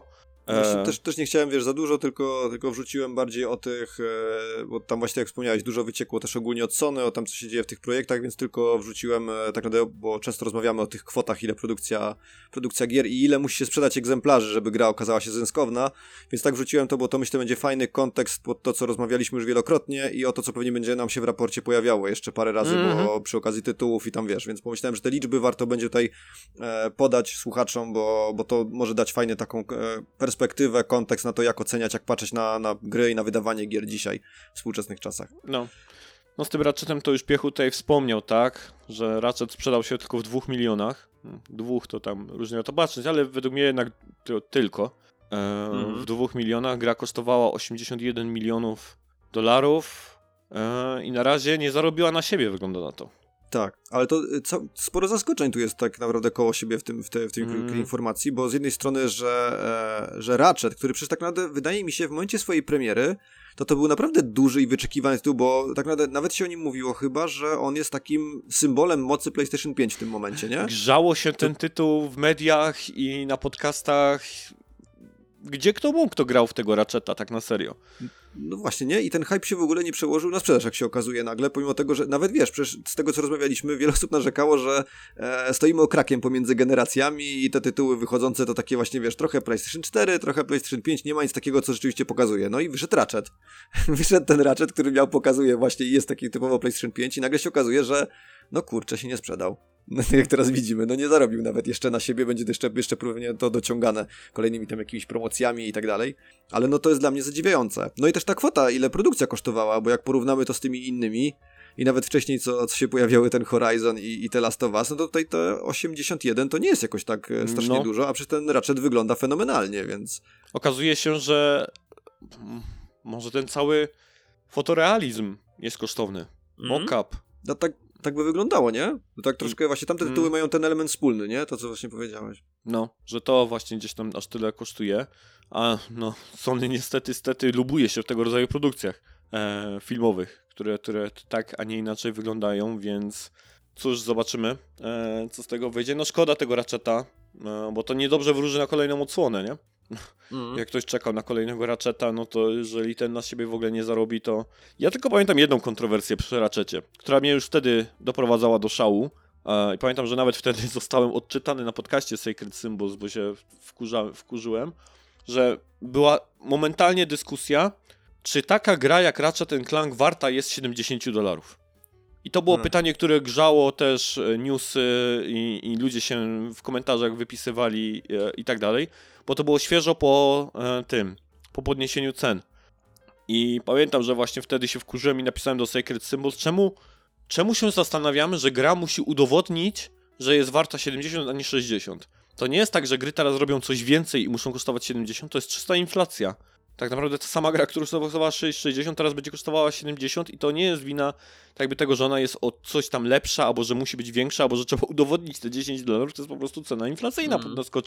A był temat właśnie, że po prostu, no dobrze, to co te gry robią więcej, że teraz będą kosztować 70 dolarów. Więc e, pamiętam, że taki temat był grzany, więc to jest jedyna rzecz, która mi teraz przyszła do głowy, że coś mogło być na rzeczy, nie? Dlaczego się jakby gdzieś nie sprzedało, choć jestem dalej zaskoczony. No wrzuciłeś tutaj ten mhm. budżet, o którym już mówiliśmy, tego Spidermana dwójki. 315 milionów dolarów, ja jestem w absolutnym szoku. Tym bardziej, że 305, 315 milionów przy grze, w której. Dobra, nie chcę teraz, żeby zostać źle zrozumianym, ale ta mapa już była praktycznie zrobiona w sporej części. Mm. To nie jest tak, że robili no zupełnie wszystko od zera, nie? No właśnie, tak. Mieli, przecież jedynka Spidermana już dawała, nawet Miles Morales, ten datek dawał już im cały czas jakąś bazę, nie? To jakieś mieli punkty startowe trochę inaczej niż rzeczywiście sam start, start taki od zera, nie? Od deski kreślarskiej. A, a wciąż 315 hmm. milionów. Eee, tutaj też informacja, że remaster e, Spidermana 39 milionów. Eee, więc to tyle. No i co tutaj jeszcze? Aha, i że budżet Wolverina jest na 305 milionów e, sugerowany. Na razie. Tak, na razie. Nie, tak już... Tego Wolverina mi strasznie gdzieś tam szkoda, e, że to, że to wy, wypadło. Ja też współczułem deweloperom Rockstara, że z powodu tych wycieków musieli tak jakby tą mm -hmm. premierę tego zwiastuna przesuwać i że nie mogli mieć tego swojego momentu tak, jak sobie zaplanowali. Tak myślę sobie tutaj, że tego Wolverina tyle lata, tych filmików, mm, po różnych gdzieś tam stronkach i, i dark webach, Generalnie to z tego co tam pamiętam, mówił kanał Spawnwave w swoim artykule, czy tam materiale z wiadomościami takimi, to opowiadał o tym, że e, tam jest podobno cały kod źródłowy e, gry, tylko że to nie jest cała gra, że to jest jakieś tam 5 do 10% gry, hmm. które jest do odpalenia, według niego co mówił, na devkitach PS5. Czyli jeżeli masz devkit, to możesz to sobie odpalić i po prostu w to grasz. I te filmiki z gameplayowe, które teraz krążą, to nawet nie są filmiki z tego e, wyłudzenia, tylko to są po prostu filmiki, które ludzie nagrywają ze swoich devkitów. Z tymi devkitami jednak jest jeszcze jest taki problem, że e, one się w momencie odpalenia łączą z serwerami Sony, więc to też jest tak, że ludzie, którzy to ryzykują, to prawdopodobnie kupili te devkity na przykład, e, gdzieś tam na jakimś czarnym rynku czy coś, więc dlatego nie jest tego aż tyle. E, ale jest możliwość odpalenia tej gry i zagrania e, w jej tam początkowe e, sekcje. Mało tego, z tego co dzisiaj też dostałem takie info gdzieś bokiem, to jest to, że gra jest już butowalna na PC-tach. To znaczy, że y, można ją sobie odpalić na, na, na kompie przy jakichś tam klockach, klockach. Ale po co? No, po co to sobie robić? No, po co sobie to robić, to jest raz. A dwa, że z tego co też to, to samo źródło powiadomiało, że już um, ci dostawcy internetu w Stanach Zjednoczonych e, banują e, konta i, i, klientów na, te, na podstawie tego DMCA, tak? E, własności intelektualnej. Um, że jeżeli ktoś ściąga ten, tego Wolverina i gdzieś tam ten, ten, tą butowalną wersję, to podlega właśnie temu, bo Sony to już zgłosiło oczywiście do służb, jest rozprawa e, toczona, jakby szukanie e, tych, tych, tych, tych kryminalistów. No dla mnie po prostu, no współczuję cholernie Insomniak e, i wszystkim, którzy gdzieś tam e, pracują. Muszę powiedzieć, że to jest akurat, wiadomo, no wszystkie studia są spoko, ale ale że to akurat stało się Insomniak, to jakoś mnie tak boli bardziej, bo to jest takie, takie fajne studio, nie? Takie fajne studio, które wydaje mi się na przestrzeni lat naprawdę nikomu nie zawiniło. E, na takiej zasadzie, hmm. że zawsze miała taką pozytywną atmosferę wokół siebie. Um, tam też w tym CEO jest e, facet, którego kojarzę z twarzy, też zawsze taki charyzmatyczna persona, ale nie przypominam sobie teraz imienia i nazwiska niestety. Natomiast no właśnie, że to sprawiło Insomniaka, to jakoś boli tam dodatkowo, e, akurat to studio. Natomiast moje pytanie do ciebie jest, Bryczewski, czy Sony powinno zapłacić za dane od kryminalistów? Bo dużo osób sobie zadaje takie pytanie. No zdecydowanie. Też widziałem takie komentarze właśnie, że niektórzy mówili, że w reakcji na ten właśnie, na, na tą kradzież, że czy można było tego uniknąć, przecież wystarczyło, żeby Sony zapłaciło. No właśnie to jest, y, nie, nie, nie, nie, nie, nie, totalnie nie, no bo tak naprawdę jeżeli by zapłacili, to jest po prostu zielone światło dla kolejnych stu naśladowców, tych, tych właśnie hakerów, żeby atakować takie studia i wykradać te dane, no bo to jest przecież łatwy zarobek wtedy dla nich, tak? Jeżeli, jeżeli jedno się złamie, no to zaraz będą się łamać kolejne i warto będzie próbować to zrobić, bo może, a nuż się komuś uda, więc to są, mówimy o milionach i, i tak naprawdę przecież, e, czy nawet, no, no, to są takie horrendalne kwoty, że każdy haker, który ma jakieś tam możliwości techniczne i teraz oni są przecież w tych grupach zrzeszani i tam działają często, że oni będą wielokrotnie próbować. No to, to nie tylko mówimy o branży gamingowej, tylko te ataki przecież na różne firmy to są, to są regularnością. Te, te ataki ransomware, jak to wygląda na, na całym świecie, jaki to jest poważny problem, to dane to ewidentnie pokazują. Więc ja tutaj w pełni popieram e, Sony i Insomniac, że oni się nie złamali i mimo tego, że wiedzieli jaka jest sytuacja, że, że nie zapłacili, no bo to byłoby tak naprawdę, nawet jeśli by, nie wierzę, by po pierwsze, że uratowali własną skórę, bo oni tak to by upublicznili, bo rzadko taki, taki deal wychodzi rzeczywiście, że można uwierzyć takiemu hakerowi, mm -hmm. że, on mhm. tego, że on te dane usunie u siebie i nie upubliczni tego. Tak. Nie ma tutaj co, co w to wierzyć. To raz. A dwa, że nawet jeżeli by próbowali ratować swoją skórę, to tylko zaszkodziliby innym w ten sposób. Więc moim zdaniem dzielnie wzięli to na klatę i, i podjęli jak najbardziej właściwą decyzję tutaj, nie idąc na żadne układy z e, osobami, które wykradły im te dane. Mhm. Co się może stać Insomniakowi? Znaczy, jak myślisz, jakby, co tam się dzieje teraz w tych czterech ścianach i, Sony? No zastanawiam się tak naprawdę, czy oni będą teraz wracać do tej całej swojej roadmapy i tych wszystkich planów i będą coś tam z tym próbowali, wiesz, zmieniać, jakoś przestawiać, to przekładać, bo no bo dużo wyciekło tak naprawdę i każdy teraz będzie wszystkie informacje, jakie będą wychodzić od Sony i od Insomniaka szczególnie, to będzie porównywał z tymi, z tymi danymi, które się ukazały wcześniej, z tymi datami, z tymi sugestiami, z jakimiś informacjami i tak naprawdę będzie takie odpytywanie bardziej, a no słuchajcie, no dobra, nie mówicie o tym, ale przecież tam mieliście to zaplanowane, więc zastanawiam się, czy oni teraz będą chcieli jednak e, kontynuować ten swój plan, jaki mają, czy jednak wrócą tak jakby do punktu zero, mają to powiedzmy tam jakieś rozgrzebane projekty, ale nie wiem, poukładają to inaczej, decydują się na jakieś zmiany w tym zakresie. No, zastanawiam się, co oni mogą teraz w tej momencie zrobić i jak to się w ogóle będzie na nich odbijać, to, że, że wszyscy wokół dowiedzieli się, jakie insomniaki mają plany, no bo to też, też wiemy, że jak ta branża ogólnie wygląda, tak, więc tutaj konkurencja jest ostra i zażarta i niektóre studia może się lubią, ale rynek to rynek, to jest biznes ostatecznie, więc e, zastanawiam się na, na, czy oni będą właśnie musieli podjąć jakieś decyzje, żeby, żeby biznesowo się to dalej dobrze spinało i żeby nie, nie podejmować jakichś niepotrzebnych ryzyk w tym momencie. No, bo to, były tajemnice handlowe trochę ich, nie? Tak, to, to wszystko to, co mieli. No. Tak, oczywiście. Natomiast to też e, bardzo chciałbym zaznaczyć, że to, że tam była informacja, że plany wydawnicze studia do 2035 to jest absolutny bullshit. Um, żadna firma i organizacja e, zdrowo myśląca nie planuje tak daleko w przód. Um, to są plany, które są na tu i teraz i prawdopodobnie projekty obecne i następne.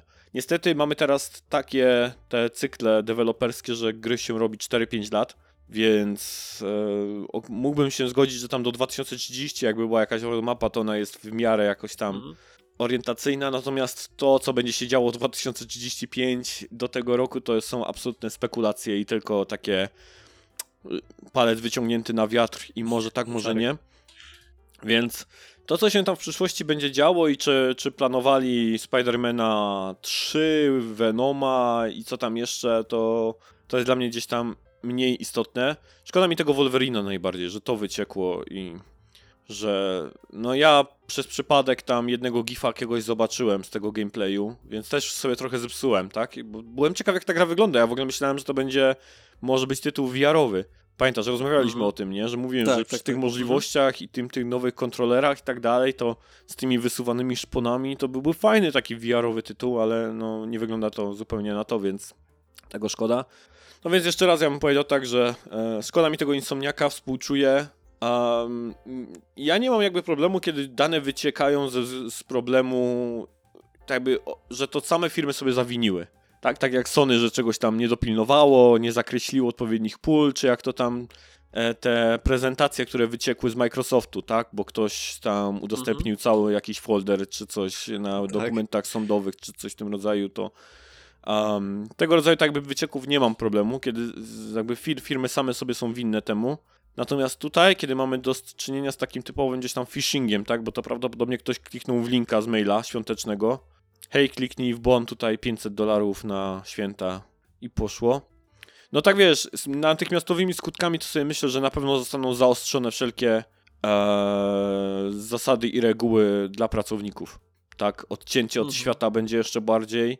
Ja mam znajomego, który pracuje jako QA e, w dużej firmie e, tutaj na Śląsku i chowają telefony w szafkach. Nie ma wejścia z telefonami do biura, więc e, trzeba zostawić i, i tak dalej. Prawdopodobnie tego rodzaju rzeczy zostaną wprowadzone w całym Sony. Bo to, to jeszcze raz, to nie chodzi o to, że to było jakby tam e, cyber security było słabe w Sony, że to wyciekło. To była ingerencja na zasadzie takiej, że ktoś po prostu kliknął w link e, w jakiejkolwiek formie w studiu. Czy specjalnie, czy nie, to jest już tam kwestia śledztwa. Natomiast, no, em, nieprzyjemna sytuacja z Insomniakiem. Lećmy dalej. Epic wygrywa z Google w sądzie. Epic Games wygrało proces antymonopolowy przeciwko Google. E, sąd uznał Google Play za nielegalnego monopolistę. Google planuje e, zaskarżyć wyrok. Jak donosi The Verge, y, jury jednomyślnie głosowało za e, wymaganie Google od programistów, aby przy wszystkich transakcjach korzystali z systemu płatności sklepu Play. Było antykonkurencyjne. Tak, więc dla przypomnienia, Epic najpierw sądziło się z Applem na podobnych zasadach, gdzie też tak jakby była ta, zaskarżali Apple o to, że na swoich telefonach jedyną możliwością płacenia czy jakiejkolwiek finansowej transakcji jest też wewnętrzny sklep gdzieś tam App Store. I tam to zostało uznane, jakby Epic przegrał z Apple, ale z Google wygrał. E, I nie jestem ciekaw, co jakby się stanie później, czy po prostu Google na swoich telefonach, czy na swoim OS-ie będzie musiał udostępnić. No na razie się planują tak by zaskarżyć ten wyrok. E, ale w sumie takie pytania. Jak myślisz, dlaczego Epic przegrał akurat z Apple, a z Androidem wygrał? Widzisz Tutaj nam się logikę? przydał, przydałby nam się doktor Bartek tutaj, bo on to, on to dobrze się zagłębia Mhm. w takie tematy, więc zdecydowanie.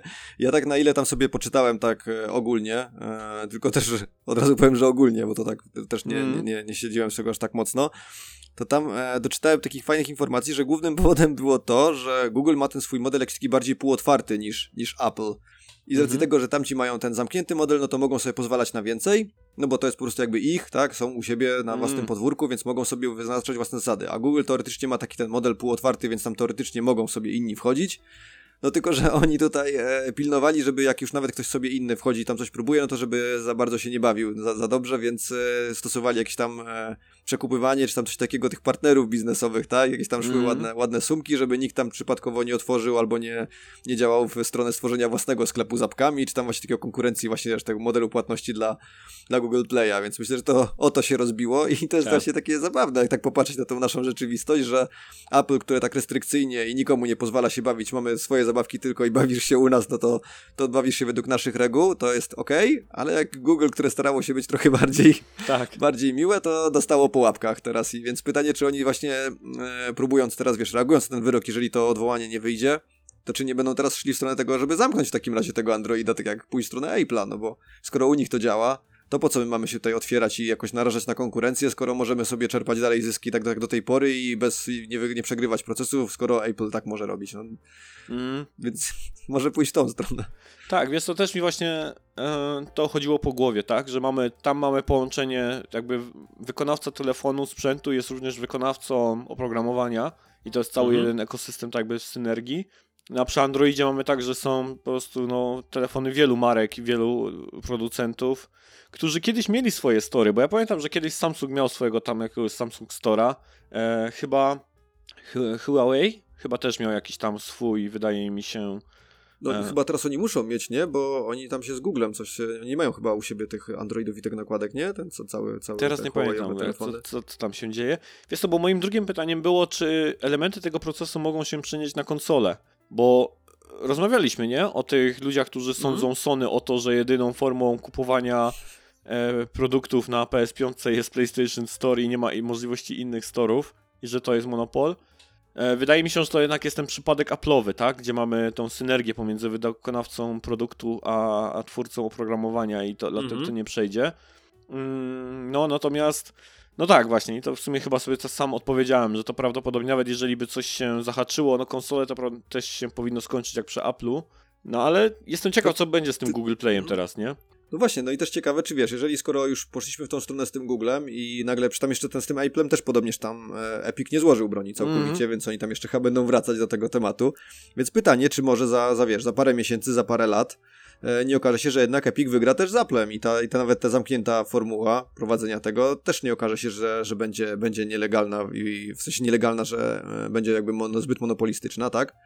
Więc może się zaraz okazać, że i wrócimy do tego tematu na konsolach i będziemy mieli może, może konkurencyjne rzeczywiście. Pojawi się jakiś Steam na konsolę i będziesz mógł kupować przez PlayStation Store czy tam Nintendo eShop i przez, przez Steama takiego konsolowego. Kto -hmm. wie, no wtedy, wtedy może się ta sytuacja zmienić. Mnie najbardziej tak zastanowiło, jak to pytanie czytałem twoje, zacząłem sobie myśleć, jakby się to przełożyło na graczy, czy my byśmy na tym zyskali, czy jednak byśmy na tym stracili mimo wszystko, jak to wiesz, bo konkurencja niby robi dobrze, ale Cholera wie, czy to, czy to rzeczywiście w tym przypadku by tak zadziałało zgodnie z tym, z tym powiedzeniem. Tak. Jest to ja też jestem e, trochę autystyczny, jeśli chodzi o to.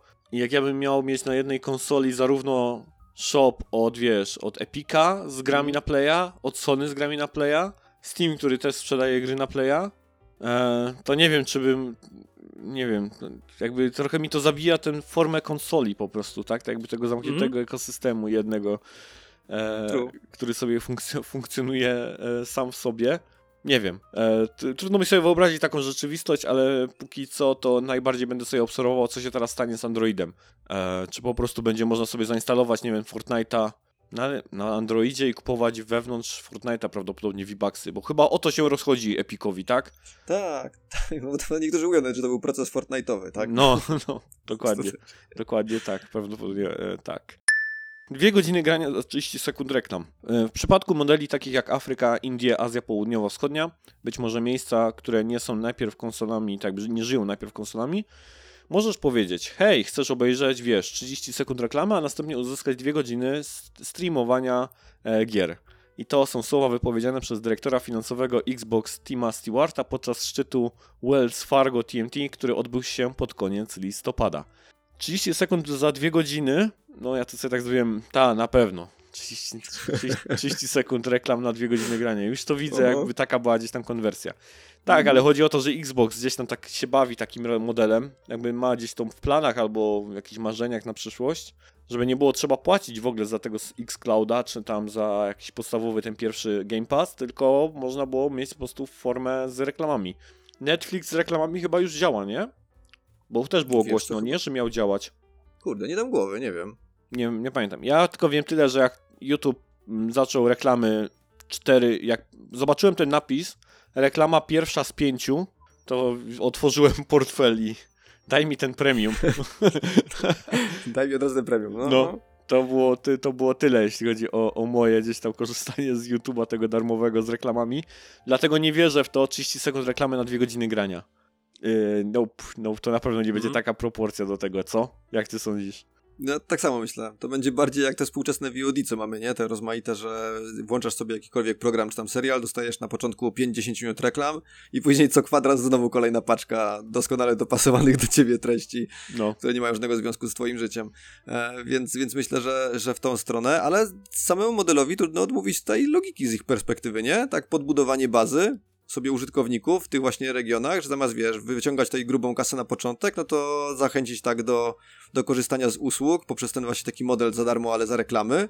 Ludzie się na to dość łatwo łapią, mimo wszystko nawet współcześnie, że wiesz, jak, jak mają zapłacić własnym czasem lub własnymi danymi, no to, to nie ma problemu, to oczywiście, bardzo proszę. Ale jak już chodzi o że wyłożenie tam 5 dolarów takie, no to jest, to jest z reguły krzyk.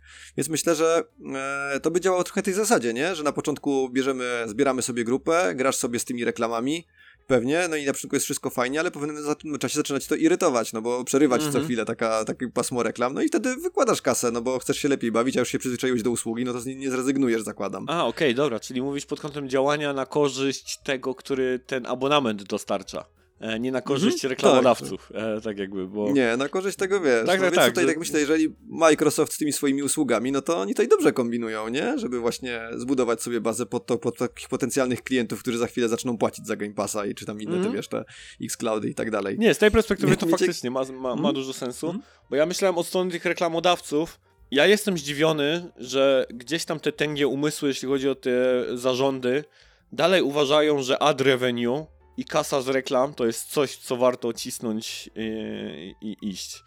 E, to jest takie staroszkolne i stare myślenie, naprawdę te, te, mhm. te zabetonowane e, garnitury, które siedzą na tych wszystkich e, kolach akcjonariuszy, tylko i wyłącznie widzą tak jakby sens reklamowania. I dzisiaj słuchałem materiału odnośnie produkcji Limbo, tego indyczka jeszcze z Inboxa 360, mhm. gdzie też twórcy właśnie mówili o tym, że już wtedy po prostu wszystko, o czym tylko mówili ci akcjonariusze, to reklamy, reklamy, reklamy, gdzie są zwiastuny, gdzie są trailery i marketing musi być, bez marketingu gry nie mogą istnieć. Wiesz, tak jakby nauczyli się, że ad revenue to jest ten złoty gral i, i z mhm. tego jest pieniądz i, i cisną, gdzie się tokolwiek da, to przecież było już tyle, tyle lat temu. I to dalej istnieje, nie? Um, ja, ja nie wierzę w to, że jakikolwiek biznes oparty na, na reklam, hajsie z reklam to teraz funkcjonuje. E, wszystkie portale gamingowe, między innymi, które z tego żyły, to przecież giną jeden po drugim, tak na serio. Mhm. Nie, nie, tak. nie, ma pieniędzy w tym zupełnie. Dobrze, teraz. O, teraz spora paczka od ciebie. To może tak. moje gardło trochę odpocznie. Odpoczniesz możesz tak. trochę chwilę, ale będziesz musiał zaraz tutaj, wiesz, pogłówkować, bo pytania są, więc Ojej, się ojej, przygotować. Dobrze, to już, już. Więc zaczniemy od tego, że y, posłuchamy o skrusze e, Faraona. E, wiceprezes studia The Creative Assembly, odpowiedzialnego za serię Total War, wystosował przeprosiny do fanów, przyznając, że ostatnie działania studia i komunikacja z fanami pozostawiały wiele do życzenia. Jednocześnie podzielił się planami i decyzjami dotyczącymi gier Total War Warhammer 3 i Total War Pharaoh. Obok zapowiedzi kolejnych aktualizacji i dodatków, całej roadmapy dla obu gier, uwagę zwraca decyzja twórców dotycząca właśnie Faraona. E, ze Steama zniknęły edycje Deluxe i Dynasty gry, a wersja standardowa doczekała się obniżki z 289 do 169 zł. I teraz to, co jest w tym wszystkim najciekawsze i dlaczego w ogóle właśnie ten news przykuł moją uwagę, Osoby, które nabyły grę Total War Pharaoh za pierwotną kwotę otrzymają zwrot w wysokości różnicy w cenie. Środki te wpłyną do ich portfeli Steam. I pytanie, co sądzisz o tej decyzji? By zwrócić właśnie tę różnicę w cenie osobom, które kupiły grę drożej na premierę. Co mogło zmusić twórców do takiej decyzji, zamiast takiej standardowej na przykład zagrywki w stylu, że dostaniecie jakieś dodatki za darmo następne, albo, albo jakieś skórki, albo jakieś tam inne, wiesz, inne bzdety, bajery, czy coś takiego. Wiesz to aż trudno mi tutaj, przecierałem oczy, znaczy tak mentalnie przecierałem oczy, bo nie dowierzałem temu, co się miało gdzieś tam wydarzyło. Kiedy ten Farao miał premierę? Wiesz co, jakoś chyba parę tygodni, miesięcy? A okej, okay, dobra. Zaraz aż, aż sprawdzę.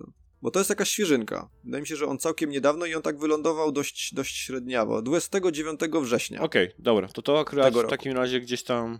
Aha, dobra, to, to już bardziej dla mnie zrozumiałe, że to jest świeży tytuł, który doczekał się obniżki. No ale jest to dla mnie, muszę powiedzieć, mega zaskakujące. Musieli się dogadać ze Steamem na pewno. E, że Steam mm, pokrywał może jakąś tam część jakby tych e, zwrotów, natomiast z drugiej strony cała ta kasa trafia do portfela Steamowego, więc ta kasa zostanie wydana mhm. na, na kolejne odsłony. I to wiesz, deal na zasadzie Steama, że na przykład procent z następnej gry będzie większy, tak? Albo coś takiego, tak? To nie tak, Mhm. że dobroci serca, o proszę Gabe, pomóż i wyłóż troszkę pieniędzy, tylko na zasadzie, no jakieś tam umowy, tak? Negocjacji, czy Mhm. czegoś takiego e, ze Steamem. Jestem na pewno zaskoczony. Całkiem fajna inicjatywa. Myślę sobie teraz, że trochę się pocą wszystkie inne studia na świecie, które obniżają swoje pudełka o jedną trzecią po miesiącu od premiery. Mhm. Czy teraz nie zaczną ludzie się domagać tego samego od, e, o, od nich? A wiemy, że tak jest, nie? Tam obserwujemy łowców przecież na kanale, jak Tak, te gry tak, tak, tak. lecą na łeb na szyję po paru miesiącach od premiery, można je dorwać za je, o jedną trzecią tańsze e, niż to, co się e, kupowało. Dla mnie to nigdy nie był problem, że tak się dzieje, bo ja tak mówię, no jeżeli wyłożyłem całą kasę, to z tego względu, że no chciałem grać więcej, tak? I chociażby za te trzy Mhm. miesiące grania, tak? To ta jedna trzecia mi się zwróciła, więc nie będę lamentował, że, że gra na przykład trafia do plusa, a też byli, nie? Pamiętasz te komentarze? O rany boskie, to do plusa trafia, a ja to rok temu kupiłem. Jak oni tak mogą? Tak, do prokuratury od Do razu prokuratury, do prokuratury, od razu. Kryminał. no, um, więc no, na pewno jest to fajniejsze zagranie dla, dla graczy niż te dodatki. E, dosyć, Mhm. dosyć zaskakujące. I tam jeszcze zapytałeś, co mogło doprowadzić do tego rodzaju e, działania. E, Wiesz co, ja też nie wiem. Bardzo chciałbym się dowiedzieć, o co chodzi z tą złą komunikacją z fanami. E, Bo wiesz, ja nie czytałem żadnych kontrowersji na temat tego, że na przykład były jakieś wtopy, że nie wiem, community ma- manager, wiesz, nazwał graczy dupkami, co się czasem Mhm. gdzieś tam zgadza, tak? Albo jakieś obsesyjne traktowanie fanów. No jedyne co z Creative Assembly ostatnio się dowiadywaliśmy to o zwolnienia, no szok, wszyscy zwalniają, tak? Mhm. E, I druga sprawa... Hienas tamten, tak? To- No, ha- Hainas, nie? I projektu, ze nie? skasowanie tego No. tytułu. No wiesz, no ale czy to jest jakaś krzywda dla graczy? No trudno powiedzieć, tak? Żeby to był, wiesz, żeby to był na tyle PR-owo słaby wynik, że trzeba było się wykazać czymś naprawdę dużym, żeby to e, z, z, zalepić, to nie wierzę, nie? Wiesz, oczywiście Mhm. gracze, słuchajcie, ja bym chciał, żebyście jak najwięcej gdzieś tam tych pieniędzy mieli i płacili za gry, e, jak najmniej, natomiast no uważam, że to dosyć dziwne posunięcie z tym zwracaniem tej, tej kasy tym graczom. Um, może też wyniki tego, że ten Farao po prostu nie sprzedał się zbyt dobrze, tak? To, to, Właśnie wiesz co, to jest moja teoria trochę, trochę pod to, bo tak właśnie sobie myślę, że e, tytuł ogólnie zebrał takie noty około 6, 7, 10, więc u już kaplica od razu na starcie. Mhm, to no nie, no, no, bo 6, 7, 10 trup, już, trup. To koniec. Szrot, ale to w ogóle szrotek, co to za tytuł, daj spokój. No. To. Poziom, poziom go, Goluma. E, więc e, ja tak sobie myślę, tak, taką mam teorię wokół tego, jak tak zacząłem zastanawiać się nad tym, wiesz, przygotowywać się do tego newsa, że e, oni teraz zdecydowali się na taki dość drastyczny krok, E, bo Total War chyba, jeśli dobrze kojarzę, nie pomyliłem, to jest taki ta produkcja, która w dużej części bazuje też później na sprzedawanych dodatkach na tych DLC i może oni w ten sposób e, próbują teraz, wiesz, Mm. poświęcają tę jakąś część kwoty, ale żeby zaraz właśnie zacząć sprzedawać taniej, żeby jakby zrobić taką drugą premierę tytułu, jakby zbudować jednak tą bazę, no bo bez tej bazy, jeżeli nie mają tej jakiejś grupy graczy, no to te dodatki też się nie sprzedadzą, więc oni tak naprawdę mają tą wizję, że finansowo będą leżeć przez cały czas, a Mhm. tak tutaj dostaną tylko jakby na początku trochę, ale później może się odbiją. Taki mam, tak, tak się tym zastanawiam w tą stronę, czy to może nie idzie, no bo to jest zdecydowanie niespotykane, wiesz, no nie? Że, żeby studio nagle oddawało kasę graczom ze względu do tam różnicy premiery, bo robimy obniżkę. Tak, no tak. Mm, Jest to jakiś kierunek, bym powiedział, taki dosyć nawet fajnie brzmiący. E, Ja bym też się zastanawiał, co było w tych edycjach Deluxe i Dynasty. Czy tam nie było na Mhm. przykład e, zapowiedź dodatków w tych wersjach? Bo jeśli, możliwe, bo jeśli były się. tam jakby, wiesz, płaciłeś więcej, ale miałeś na przykład zagwarantowane kolejne dwa dodatki, to może teraz na zasadzie taki pomyśleli, hej, te dodatki muszą być jednak większe i trochę nie kali nam się dawać ludziom je za darmo, którzy mają te wersje, więc usuńmy je, sprowadźmy wszyscy do tej wersji tego faraona e, zwykłego w takiej cenie Mhm. i zobaczmy jaka cena będzie tych dodatków. No i to by się spinało. Rzeczywiście, masz rację. To jest, to jest bardzo możliwe, bo, bo w tym momencie oni właśnie sprzedadzą tą standardową, nie ma już tych, tych dodatkowych i tak musisz wtedy zabulić za dodatki, jeżeli ci się gra podobała. No. Bo wiesz, no po to właśnie, wiesz, samo zwrócenie to jest jedno, ale po co kasować tamte wersje z Deluxe i Dynasty? No właśnie, właśnie, rzeczywiście. Mhm. Więc wiesz, główka pracuje. No tam si- siedzą tam jakieś główki, No. ale wszystko wiesz, wszystko wokół niby przeprosiny takie i pomyślisz, że no proszę, dali kasę, jak zaczynasz tak, wiesz, tak pierwsza myśl taka od razu, jak, jak nie, nie zagłębisz w temat, to taka, że ale... A bo to jest, wiesz, bo, deweloperzy, bo my jeszcze tak z? Polski jesteśmy, nie? To jest takie typowe polskie, nie? Po prostu, wiesz, tu ci coś dają, nie? A ty szukasz dziury w całym, nie? Tak, kombi- Gdzie ukradł? no. Gdzie oszukał? No, Czujni, czujni. czujni, tak jest. Okej, to co? Lecimy dalej. Tak jest.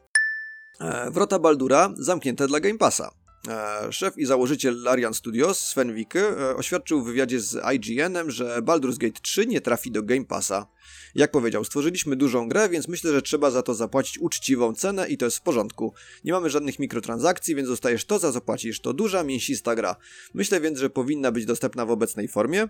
W ten sposób możemy kontynuować tworzenie innych gier na tym poziomie.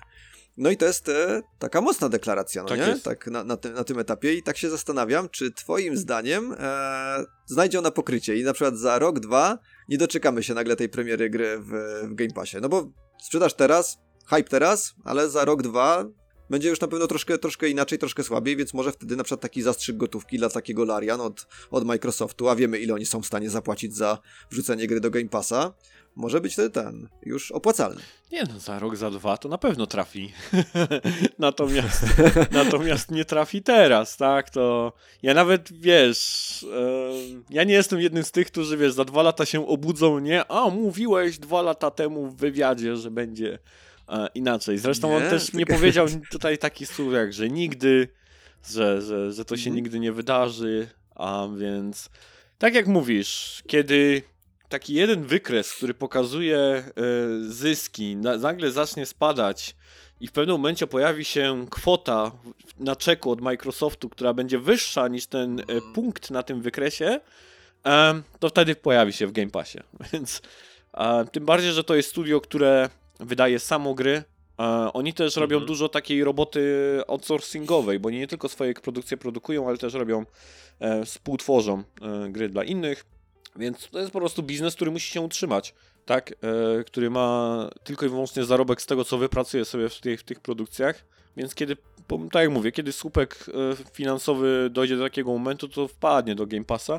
Natomiast teraz bardzo fajna, że jest taka mocna deklaracja, bo to ucina jakiekolwiek spekulacje, tak? Bo teraz, Mhm. teraz już nie rozmawia się o tym, czy gra jest fajna, tylko czy trafi do Game Passa. No. I kiedy? Więc e, to fajnie, że ucina tego rodzaju gdzieś deklaracje. E, ja na przykład wspominam sobie też bardzo mocną deklarację twórcy Axiom Verge. Nie wiem, czy pamiętasz. Mhm. Ale on też, kiedy Axiom Verge jedynka, którą dużo osób sobie bardzo chwaliło, e, mówił od razu, że hej, e, ta gra przez co najmniej następne 12 miesięcy nie będzie przeceniona. Tak, to jest jej cena, uważam, że tyle powinna kosztować i przez następny rok nie będzie częścią żadnych summer sale'ów, nic takiego, e, etc. Co mnie też trochę dziwi, że dużo osób tak robi. Na przykład w ogóle gry startują od razu w promocji. A tak, to na e-shopie widzę regularnie na przykład ten Nintendo, że tam możesz preorder i już masz minus 30%. Tak. Hmm? No, właśnie. I, I to jest zawsze dla mnie takie zaskakujące, że gra wychodzi, tak jakby wyceniliśmy ją i od razu promka, nie? Tak pusz. To prawdopodobnie po prostu chcą jakby graczy kupić na zasadzie takiej, że e, okej, dobra, to jak jest promka, to nie czekam tygodnia, tylko kupuję od razu. Biorę. Biorę, biorę, biorę, biorę, bo jest promka. Co dla mnie pokazuje trochę taką słabą wiarę w tytuł. Eee, tak, tego rodzaju gdzieś tam zagrania. Więc ja to raczej w ten sposób odczytuję. A znowu tego rodzaju deklaracje akurat są zaskakujące i myślę sobie, hmm, to faktycznie jest w takim razie dobra gra, skoro taką decyzję podejmuje studio. O Baldur's Gate 3 wiemy, o Axiom Verge, no to z tego co tylko mogę powiedzieć, że słyszałem, że też osoby, Mhm. które grały sobie chwaliły. Um, Piechu też tutaj wrzucił komentarz. Dobrze, że Larian się ceni i nie idzie ani do Game Passa, ani do Plusa. Na takie zajebiste gry warto wydać e, tą pełną cenę. Niech zarabiają i robią jeszcze lepsze gry. Im to się należy. Im to się po prostu należy. No. Taka prawda, No. taka prawda. No, pozamiatali w tym roku, więc im się jak najbardziej to, to należy, ale ja powiem szczerze, tak jak powiedziałeś, nie będę miał nic przeciwko, jak właśnie za, za dwa lata, czy tam za rok, czy no, jakikolwiek czas, kiedy im będzie to potrzebne, wycofają się z tych słów, czy tam nawet nie będą musieli się wycofywać, tylko powiedzą, że nigdy, my nie mówiliśmy nigdy, tak jak właśnie to, to wspomniałeś, nie pojawiło się to słowo i że wtedy wezmą sobie, przytulą troszkę, troszkę dobrej, e, przy dobrej gotówki od, od właśnie dużego tam e, wydawcy, żeby tylko żeby tylko właśnie projektować kolejne tytuły. No bo jeżeli na tym będzie właśnie zależało ich kolejny projekt, no to jak najbardziej jestem za, no bo niech dowożą. Tak, pieniądze z Game Passa na pewno nie śmierdzą dla deweloperów, tak? tak. Więc to, to, to, to, to nic z tych rzeczy. to dalej teraz lecimy. Jak już mówiliśmy o, o Baldursie, jednym dużym hicie, to teraz kolejny. Kolejny tytuł, zresztą konkurent w tej walce o Goty był No, na no. Game Awards, tak? Czyli Mhm. E, teraz, liniowa Zelda jest gorsza? Takie pytanie. E, w wywiadzie z IGN-em Eiji Aonuma, odpowiedzialny za rozwój serii The Legend of Zelda od czasu pierwszych odsłon 3D na Nintendo 64, w ciekawy sposób odniósł się do kwestii narzekań graczy na odejście od bardziej liniowych przygód na rzecz wielkich otwartych światów z Breath of the Wild i Tears of the Kingdom.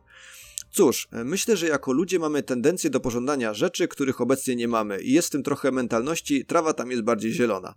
Ale myślę też, że z wolnością w nowych odsłonach jest tak, że wciąż istnieje pewna wytyczona ścieżka, z tym, że po prostu jest to ścieżka, którą każdy sobie wyznacza sam.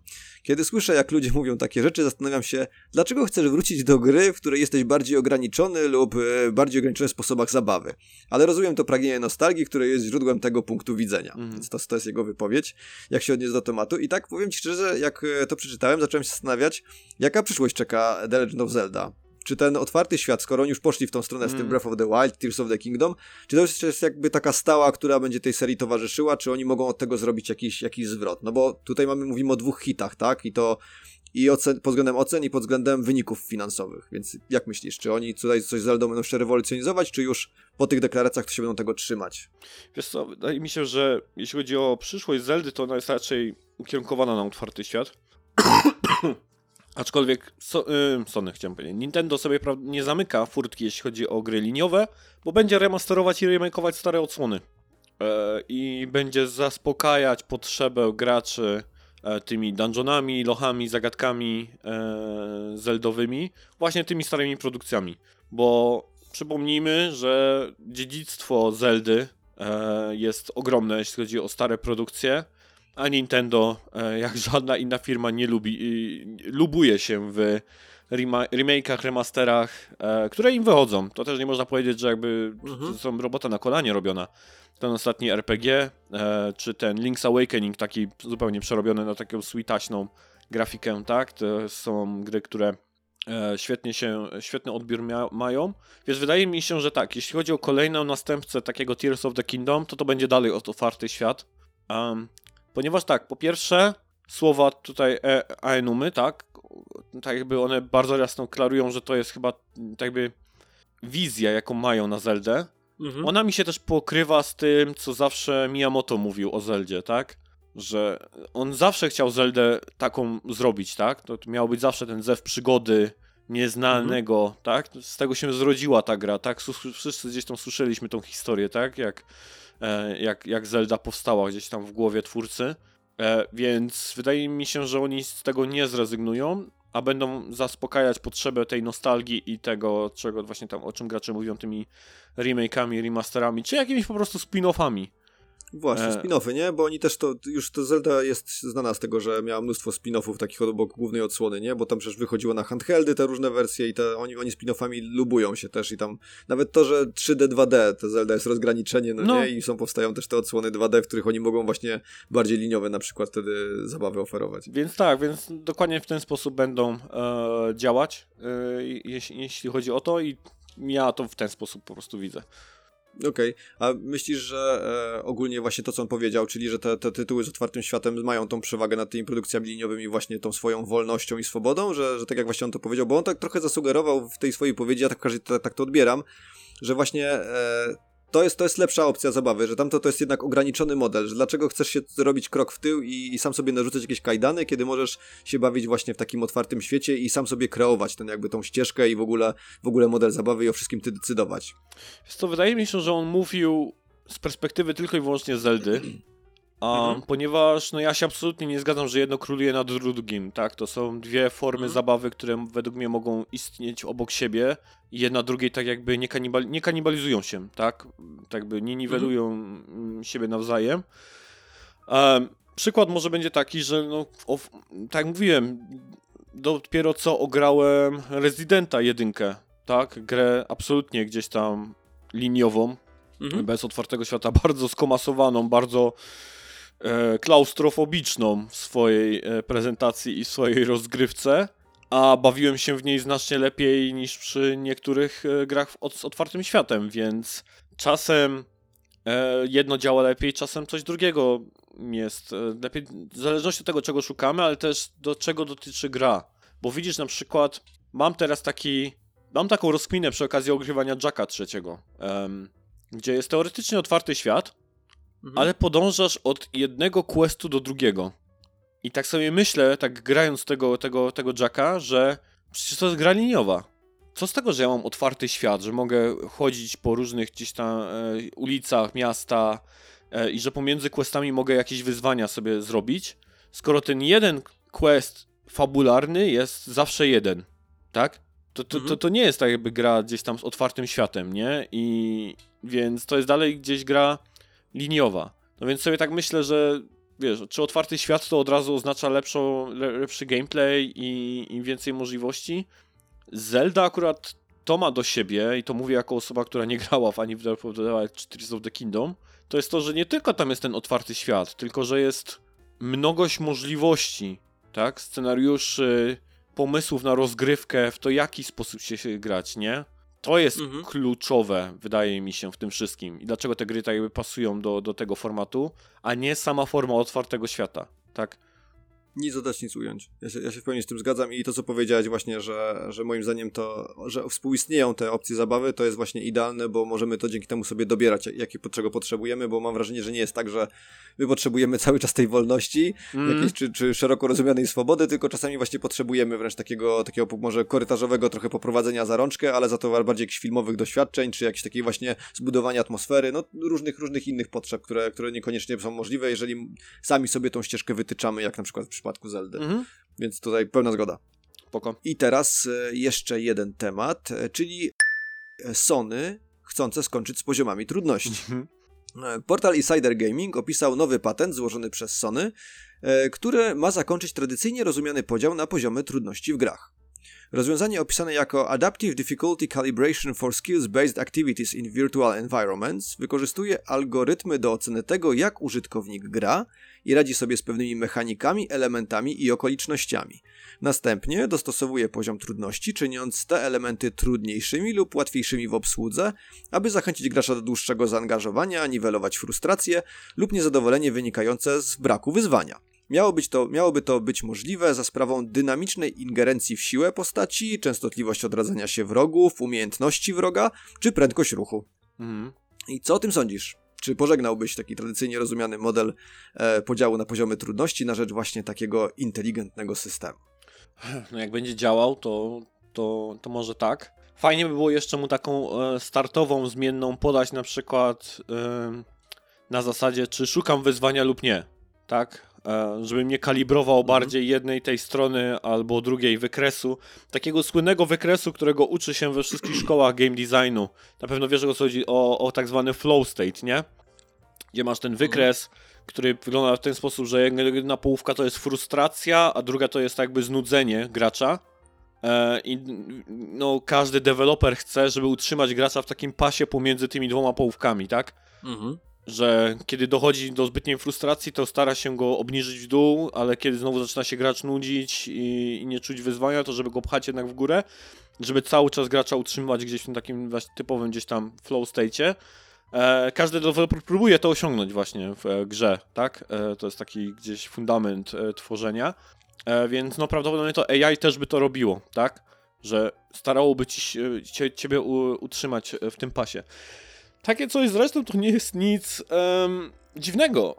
Jeśli moja pamięć starcza mnie nie zawodzi, to Resident Evil 4 miał adaptacyjny poziom trudności i to był taki wyróżnik tej gry mm, na PS2 i chyba na GameCube. Nie wiem, czy ten remake e, ma poziomy trudności, czy tam również się adaptuje e, difficulty, ale y, to była jedna z takich gier, która tym się wyróżniała i dużo osób robiło materiały na ten temat, że jeżeli gra widziała, że ktoś kilka razy już umarł, albo że ma mało w ogóle mm, przedmiotów leczących, czy nie trafia po prostu e, z, z broni, to zmniejszała ilość przeciwników, którzy się pojawiają e, przed, przed graczem, tak? E, były, ja pamiętam takie doskonałe po, porównania, że jakiś go, gościu grał najpierw Residenta 4 na mega dużym poziomie. Same headshoty, tak dalej, wszystko mu wchodziło, tak, żadnych obrażeń praktycznie nie dostawał.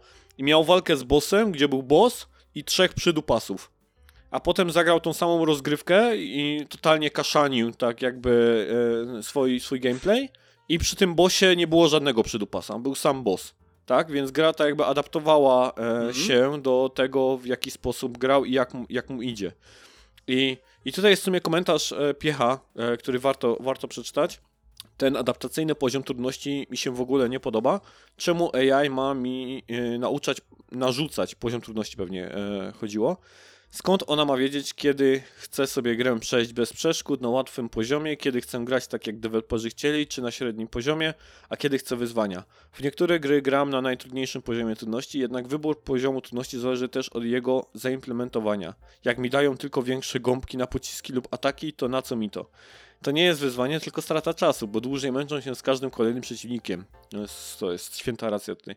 E, Tak, je- prawda. Jeśli nadal będę miał wybór poziomów, plus mogę wybrać ten adaptacyjny, to spoko. W innym przypadku niech spadają, bo AI nie wy- wyczyta mi w myślach, czy chcę szybko i łatwo dokończyć grę, która mi średnio podeszła, ale chcę ją skończyć dla fabuły, czy też cieszyć wyzwaniem. No i, dla, no, i to jest trochę jakby łączy się z tym, co powiedziałem, że fajnie by było jakąś taką Mhm. zmienną na początku zadać, że nie zależy mi i tak dalej, ale skoro mówimy o AI i o sztucznej inteligencji, skomplikowanych e, algorytmach i modelach nauczania, to gra jest spokojnie w stanie tego rodzaju rzeczy przewidzieć i bez naszej ingerencji, no bo wiesz, Resident Evil 4 już trochę temu był i oni to opierali na takich prostych rzeczach jak strzelasz dużo headshotów, okej, to będzie ci trudniej, nie trafiasz z broni, Mhm. to będzie ten, ale tutaj może być na zasadzie takiej, o, gracz liże ściany. A, okej, dobra, czyli szuka znajdziek i tak dalej, czyli nie interesuje go przejście na szybko. Okej, dobra, rozumiem, nie? To w takim razie, skoro się nie śpieszy, to Mhm. tak. Nie? Albo na przykład zagadki gdzieś w Resident Evil błądzisz, tak, back- backtracking robisz i tak dalej, to gra by wiedziała. Wiesz, no, jeżeli to jest AI AI takie, które gdzieś tam teraz jest rozwijane, to musimy myśleć o tym jak o maszynie, która nie bierze pod uwagę tylko jakiejś jednej metryki czy statystyki, Mhm. która absolutnie wszystko, co robimy, jest w stanie e, kalkulować. Nie wiem, nawet to, czy gramy w ciągu dnia, czy w nocy. Ile mamy lat, nie? Bo prawda, te systemy to mogą wiedzieć, tak? Na przykład na zasadzie takiej, że mamy tyle lat, gramy w nocy. Okej, dobra, tak? Czyli jest pewnie gdzieś tam grającym ojcem, który nie ma za dużo czasu. No to to jest jakaś zmienna, którą... Refleks minus 50%. O, Jesus, tak. No. E, więc wiesz, no to wszystko zależy od tego, jak dobrze one by funkcjonowało, trzymając mnie w tym flow state'cie, nie? Mhm. To jest jedna rzecz, która jest dla mnie ważna. I druga to jest to, e, że ja bym bardzo chciał na początku podać, czy mnie interesuje wyzwanie, czy, e, czy po prostu przejście gry. Znowu Mhm, przykład tak. Resident Evil 1, tak? Gdzie mnie absolutnie nie interesowało wyzwanie, bo przy wszystkich dobrych rzeczach, które mówiłem o Rezydencie 1, to na litość boską, ja pierdolę, te sterowanie na czołg i to celowanie headshotów bronią w górę, które wygląda komicznie, kiedy postać celuje w sufit i strzelamy headshoty zombiakom, albo strzelamy im w stopy. O matko, jak ja bym miał, jak ja bym miał mieć z tym problemy, albo wiesz, jakby skupiać się na tym, nie? I frustrować, że mi strz- strzały nie wchodzą, Mhm. to nie wiem bym, co bym tak naprawdę widział tak jakby w tej grze i czy bym był tak samo gdzieś z niej zadowolony, tak? Więc ja od razu wiedziałem, że ja tą grę chcę przejść sobie po prostu, żeby sobie ją przejść. Nie interesuje mnie tutaj czucie wyzwania. Tym bardziej, że wyzwanie w rezydentach to jest wieczna walka z plecakiem i ekwipunkiem. Oj tak. Więc e, na szczęście Zero i jedynkę mam już za sobą, tak? Teraz dwójka wejdzie, które już gameplay zupełnie inaczej wygląda, więc jestem bardzo ciekaw w sumie. Um, ale tak, no to, to jest wszystko, co miałbym do powiedzenia. Też się strasznie rozgadałem na temat tego e, poziomu trudności. A jak ty, Ja jak ty, jak ty byś tak- to widział? Przytuliłbyś takim Tak. system? Znaczy, no wiesz co, e, na pewno podoba mi się ogólnie ta wizja, chociaż zastanawiam się też właśnie nad tym, co, powie, co powiedziałeś i co też napisał Piechu, że e, fajnie byłoby jakoś wyznaczyć, czego oczekuję od tytułu na początek, e, bo to moim zdaniem będzie ważne, żeby przed jeżeli wiesz, żeby móc się też na przykład doskonalić w grach, no bo to jest jednak też pewien, pewien sposób e, wyznacznik niektórych tytułów, że możesz doskonalić swoje umiejętności poprzez właśnie kolejne porażki, czy tam właśnie wyzwania, z którymi się mierzysz, więc żeby to nam nie było odebrane przy okazji tego właśnie takiego poziomu trudności, który jest adaptowany do tego, jak gramy. No i mam cały czas z tyłu obawę, to nie jest tak bezpośrednio połączone, tylko trochę mi tutaj widzi się to gumowe AI z wyścigów znowu, tak jak to wiesz, tym, tym, że i właśnie obawiam się trochę scenariusza, że ono będzie adaptować się do tego, jak gram, żeby mi dostarczać cały czas właśnie utrzymać mnie w tym, tym zaangażowaniu. I przez to w ogóle już nie będzie sytuacji, kiedy ja nagle mam jakiś taki etap gry, kiedy rozjeżdżam tą sztuczną inteligencję jakoś, wiesz, mam taki etap, że rzeczywiście ją gromię na, na nie wiem, czy to w, piłce nożnej wirtualnej, czy w wyścigu, czy w strzelance, po prostu nagle jestem takim, wiesz, po prostu wirtualnym bogiem, który tam robi, Mhm. robi wszystko, co może, to tylko zawsze ten poziom trudności będzie do mnie dopasowany w taki sposób, że wiesz, że za- zawsze będzie problem, jakiś, zawsze jakieś wyzwanie i nie będę miał Tak. tego poczucia w danym momencie, bo, bo zawsze będzie chciało mnie utrzymać, żebym czasem się nie znudził tym wszystkim, nie? A czasami to nie jest nudzące, tylko sprawiające taką dziką satysfakcję momentami, że osiągnąłeś już taki etap w grze, nie? I nawet chociażby na chwilę, ale, ale osiągnąłeś, więc to, to mnie zastanawia, czy to będzie jakoś, jakoś do ubrania jeszcze w tą technologię, jak oni chcą to zaadaptować, czy to się jakoś da rozwiązać. To jest ciekawy temat w ogóle, który często się pojawia przy dyskusjach, e, szczególnie przy JRPG-ach, e, bo są dwie szkoły, nie? Przy- Potwory levelują ze mną, albo, Z tobą, tak. albo, mhm. level, albo zostają na levelu.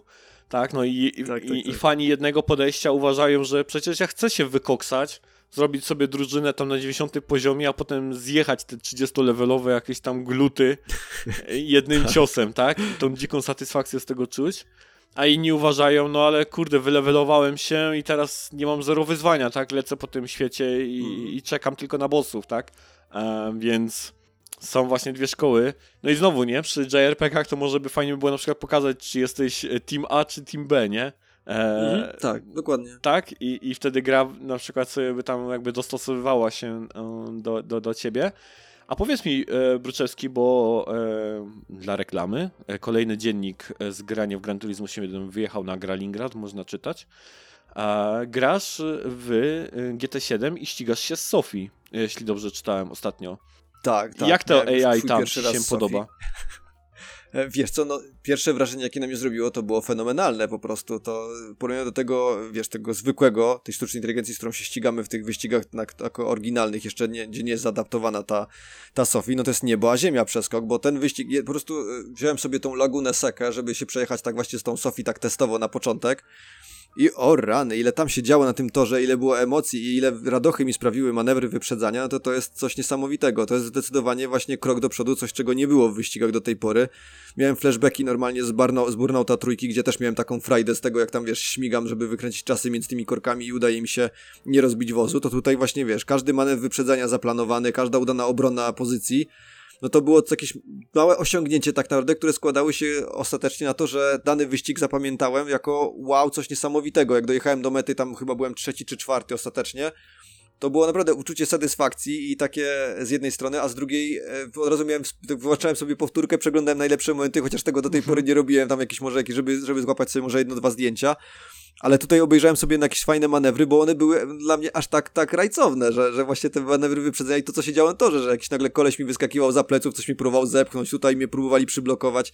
Niesamowita rzecz i jeżeli coś takiego będzie w grach wyścigowych teraz od tej pory, powiedzmy, że twórcy nie tylko Gran Turismo, ale i innych pójdą, no to wow, to nas czeka bardzo fajna przyszłość pod tym względem. No. Tylko widzisz, tutaj też przyszłałoby się jakoś tam móc te Sofii trochę nauczyć, że hej Sofii, albo tak, nie tak mocno, nie, na przykład, albo, albo Delikatniej. daj, daj pożyć, nie, czy coś w tym, w tym, w tym, w tym rodzaju, tak. E, Mhm. No, ale widzisz, to też, to jest kwestia mm, tego parametru, którym, którym będą karmić ją, tak. Bo na przykład ja sobie wyobrażam, że jakbym był w zespole deweloperskim, to ja bym na przykład z jednym parametrów zrobił sobie, jak często ten gracz gra, nie? Czy on wskakuje na przykład raz w tygodniu do pogrania sobie i tak dalej, tak? Czy na przykład y, testował się w ogóle w tym trybie online z innymi graczami, czy jest typowym singleplayerowym graczem, tak? I wtedy może by dostosowywałbym sobie faktycznie, czy na przykład, nie wiem, chcę y, dać mu wygrać. Nie na takiej zasadzie trochę y, Sofii, Mhm. nie? Po prostu, że nie wiem, ach, dobra, jest godzina 22, przeważnie nie wchodzi o tej godzinie pograć, to będę delikatna. Mhm. Co, No, no, no, no. co, tak. coś, co, coś w tym rodzaju, nie? No to są, to są już tego rodzaju algorytmy, e, które, no właśnie, to jest taki przeskok Brzuszewski jak te właśnie te AI sterowane starym komputerem, a, a, a Sofii, nie? Mhm.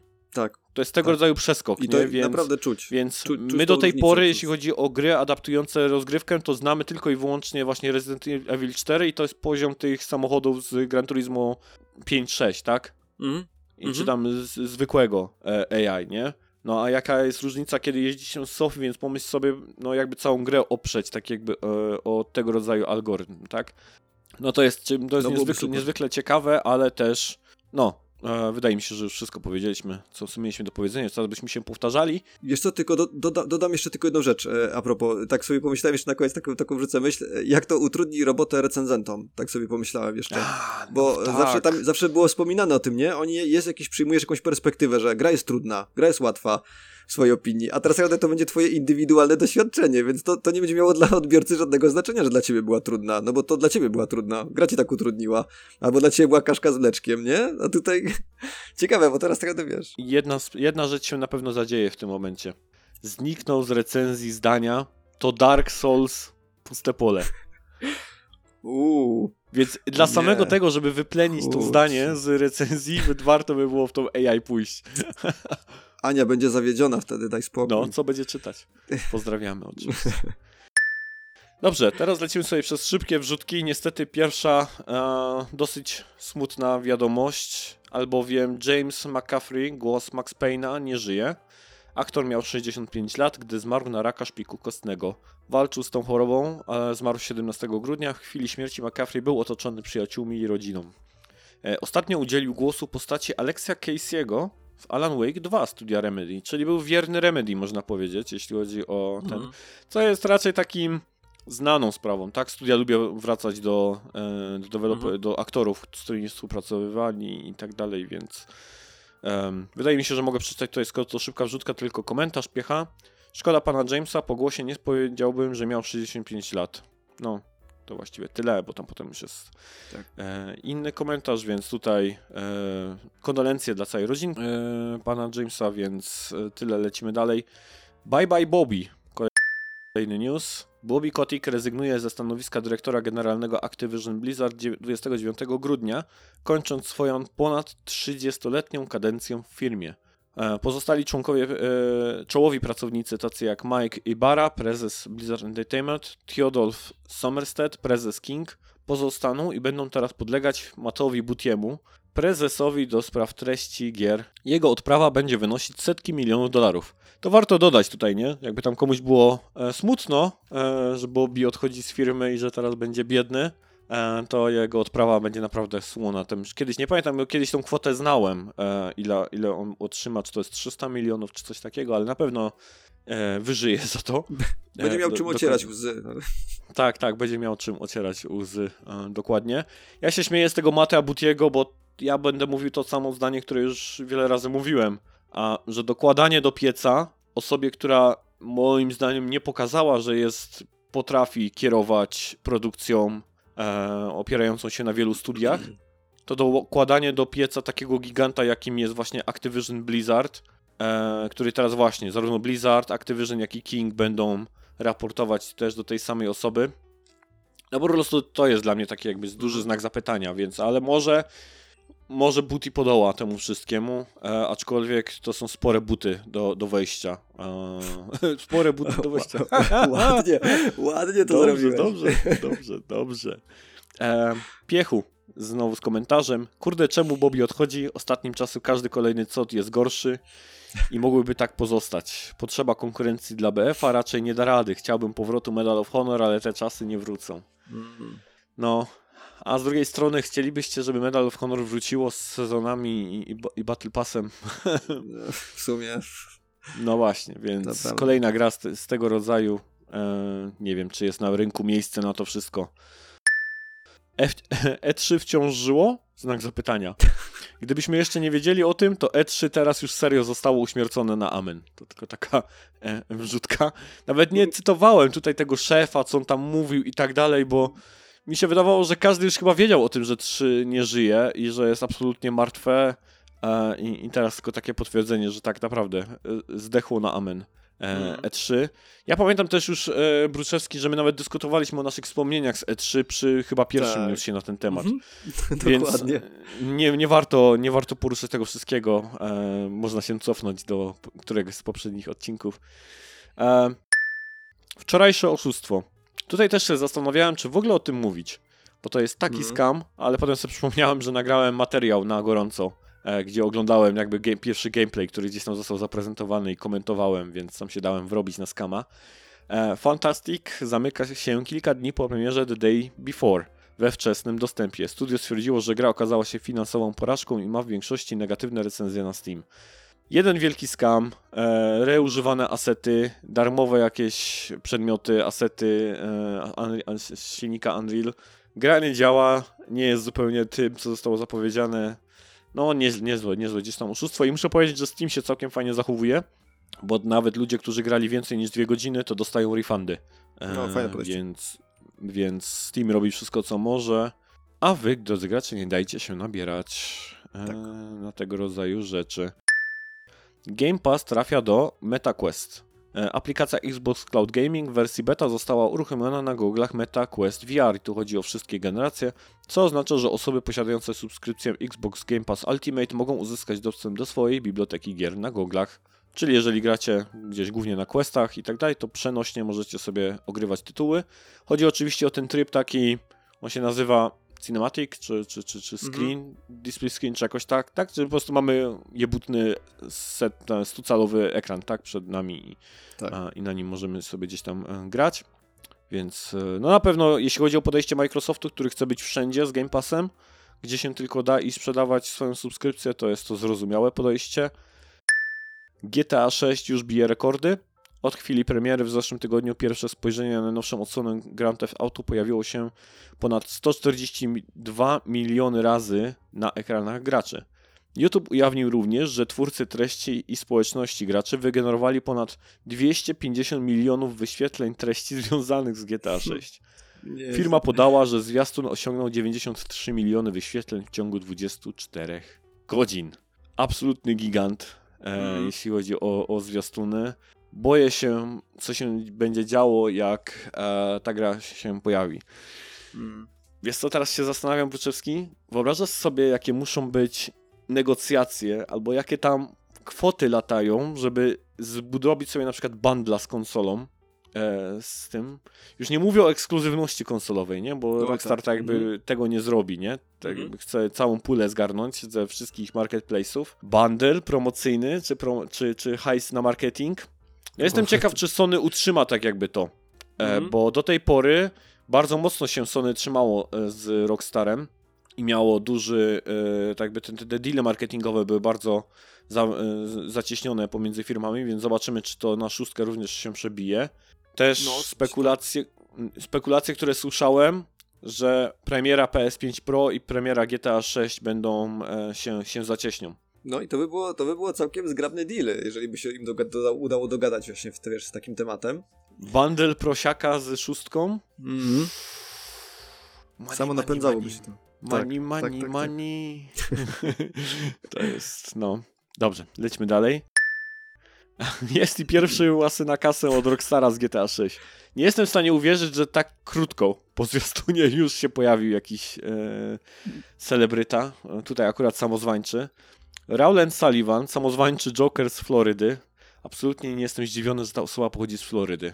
Mhm. Zero zdziwienia. Totalnie. Twierdzi, że Rockstar użył jego podobizny bez pozwolenia w zwiastunie gry.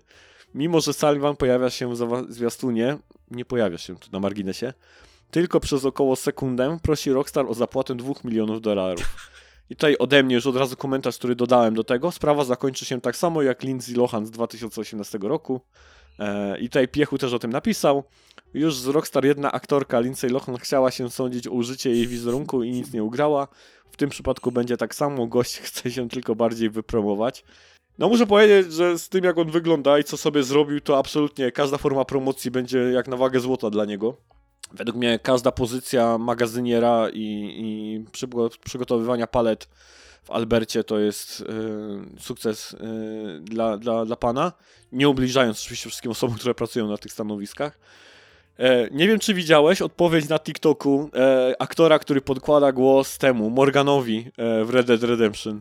Nie, nie, nie widziałem. Nie widziałeś? Jest taki zajebisty filmik, gdzie właśnie najpierw ten Joker coś tam, coś tam gada do, te, te, do telefonu i mówi na końcu coś takiego hey, take two, we need to talk. And, i, I w tym momencie wchodzi właśnie ten Morgan, ten aktor i tak no they don't. No they don't. Na, Sorki. Na takiej zasadzie, tak wiesz, takim spokojnym głosem od razu mówił, że nie, nie muszą się odzywać. Piękne skwitowanie, strasznie mi się podobała ta riposta. to jest też zajebisty news. Aż nie wierzyłem, że to się nie wydarzyło. Nie, to tym razem nie forum War Thundera. E, jeden użytkownik zamieścił strony z tajskiej instrukcji obsługi czołgu VT4. Ta konkretna instrukcja jest rzekomo łatwo dostępna jednak i dotyczy modelu o nieco innego niż ten docelowy VT4, który jest zarezerwowany dla chińskiej armii. Nie powstrzymuje to ludzi od, co zrozumiałe, założenia, że to forum War Thundera po raz kolejny ujawniło tajne dokumenty. Podoba mi się to, że tak jakby ta dziedzictwo forum War Thundera już doszło do takiego momentu, że jakikolwiek pojawia się przeciek na temat jakichś instrukcji, czy manuali, czy tajnych dokumentów e, któregokolwiek tam wojska, jakiegokolwiek mm. kraju, to ludzie zakładają, że to pewnie wypłynęło Tajne. z forum War Thundera. to jest taki go-to po prostu ten, e, kozioł ofiarny, nie? Wszystkiego. Strasznie mi się to już podoba, że e, musieliśmy czytać newsa, który mówił, że nie, to tym razem nie forum. E, super, super. Niesamowite. Co tam się dzieje na tym forum, to jest, to jest magia. No, no. E, proszę nie zaciągać się Steam Deckiem. I mi tak głowę rozwalił ten news, że, że głowa mała, ale słuchajcie.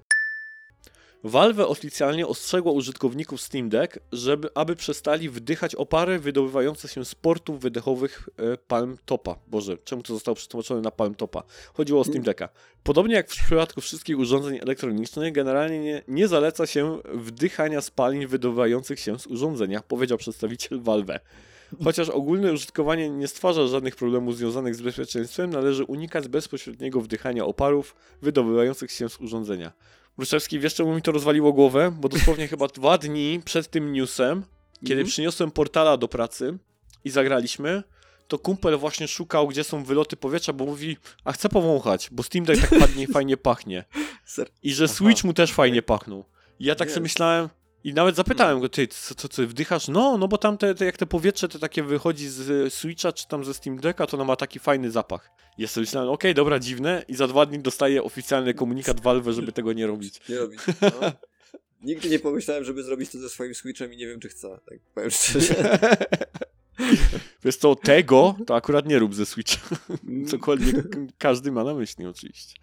No tak, ale to rozbawił mnie ten news i no, kreatywność ludzka nie zna granic. Oj, tak. Bo wiesz, bo sobie też myślę, że oni się pewnie zabezpieczają przed jakimiś challenge'ami na TikToku, nie? Mhm. No, Zaraz będzie coś tam, wiesz, łapanie oparów ze Steam Decka do słoików i sprzedawanie dalej, nie? Tak, czy, albo czy coś tym... wdycham opary przez 10 godzin non-stop challenge, nie? No, przypomina, się, przypomina mi się ta scena z tego, z Dnia Świra. Mm, czym pachniesz? Steam Deckiem. Zapach Steam Decka. o, o dobrze. W słoiku, tak. Tak jest. Dobrze, to teraz ostatnie dwa szybkie newsy są od ciebie. Tak, ode mnie. Mm, toksyczny prezent. E, ponieważ Valve jest na wojennej ścieżce z osobami, które bawią się w smurfing, czyli zakładają alternatywne konta, by grać na niższych rangach, poziomach i uprzykrzać życie słabszym graczom i początkującym w Dota 2, więc w ramach nowej aktualizacji e, Frostview, Frostivus 2023 mm -hmm. Valve wysyła prezent niespodziankę na konta Smurfów, e, nawet te należące do profesjonalnych graczy. Niczego nie podejrzewający odbiorcy prezentu w grze, myląco opisanego jako nagroda sezonowa, otrzymują wirtualną bryłę toksycznego węgla i bana. Mm, brawo, ci, że. No, mnie, jak ja też czytałem, to jest tak fenomenalne zastosowanie właśnie tych wszystkich, wiesz, nagród i takich właśnie sezonowych prezentów, czy tam różnych tak. jakichś, co można zdobywać idealnie to wykorzystali. Nawet widziałem jakieś materiały, jak możecie, jak, jak macie okazję, to sobie poszukajcie, bo trochę tego krąży po sieci, jak właśnie niektórzy ludzie otwierają tą paczkę i takie, co, co jest? Dostałem bana? Takie zamiast, wiesz, zamiast paczki z prezentem, takie, nie? Bryła węgla? Cudowne. Co, co? Idealne, no, też się z tym zgadzam. Więc Absolutnie e, cudowne, szacun, szacun brawo Valve. To, tak jest, szacunki duże, bo no jak kto, jak kto, ale Valve sobie może na to pozwolić, tak? Mhm. Jak najbardziej. I w sumie e, życzymy innym studiom, żeby miały odwagę też się coś takiego bawić, jeżeli mają, mają takich właśnie jakichś cheaterów, smurfów i tak dalej.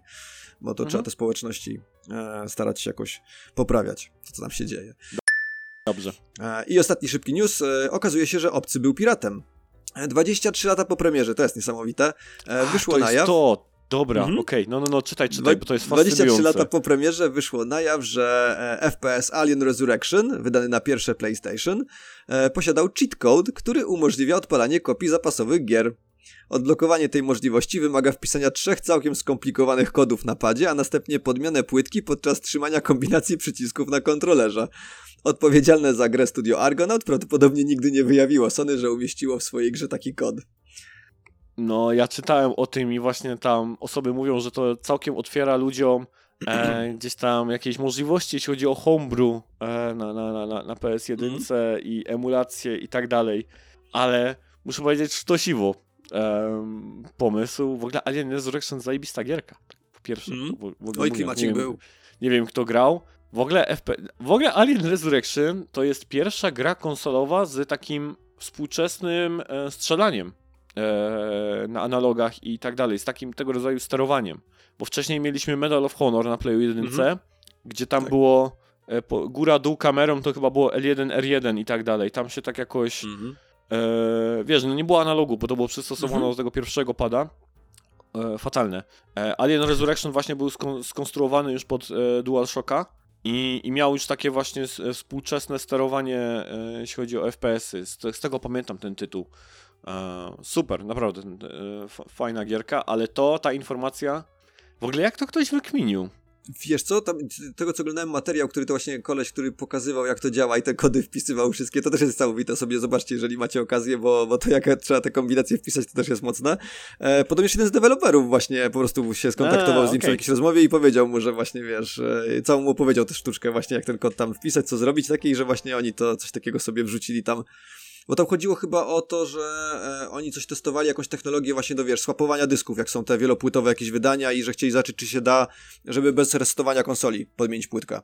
Jakoś coś takiego Mhm. chcieli, jakoś tam te, te, takie, takie rzeczy, żeby, żeby to działało i te właśnie, właśnie po to szukali sposobów. I dlatego ten cheat code tam umieszczony. Mhm. A było trzeba resetować konsolę przy zmianie płyty?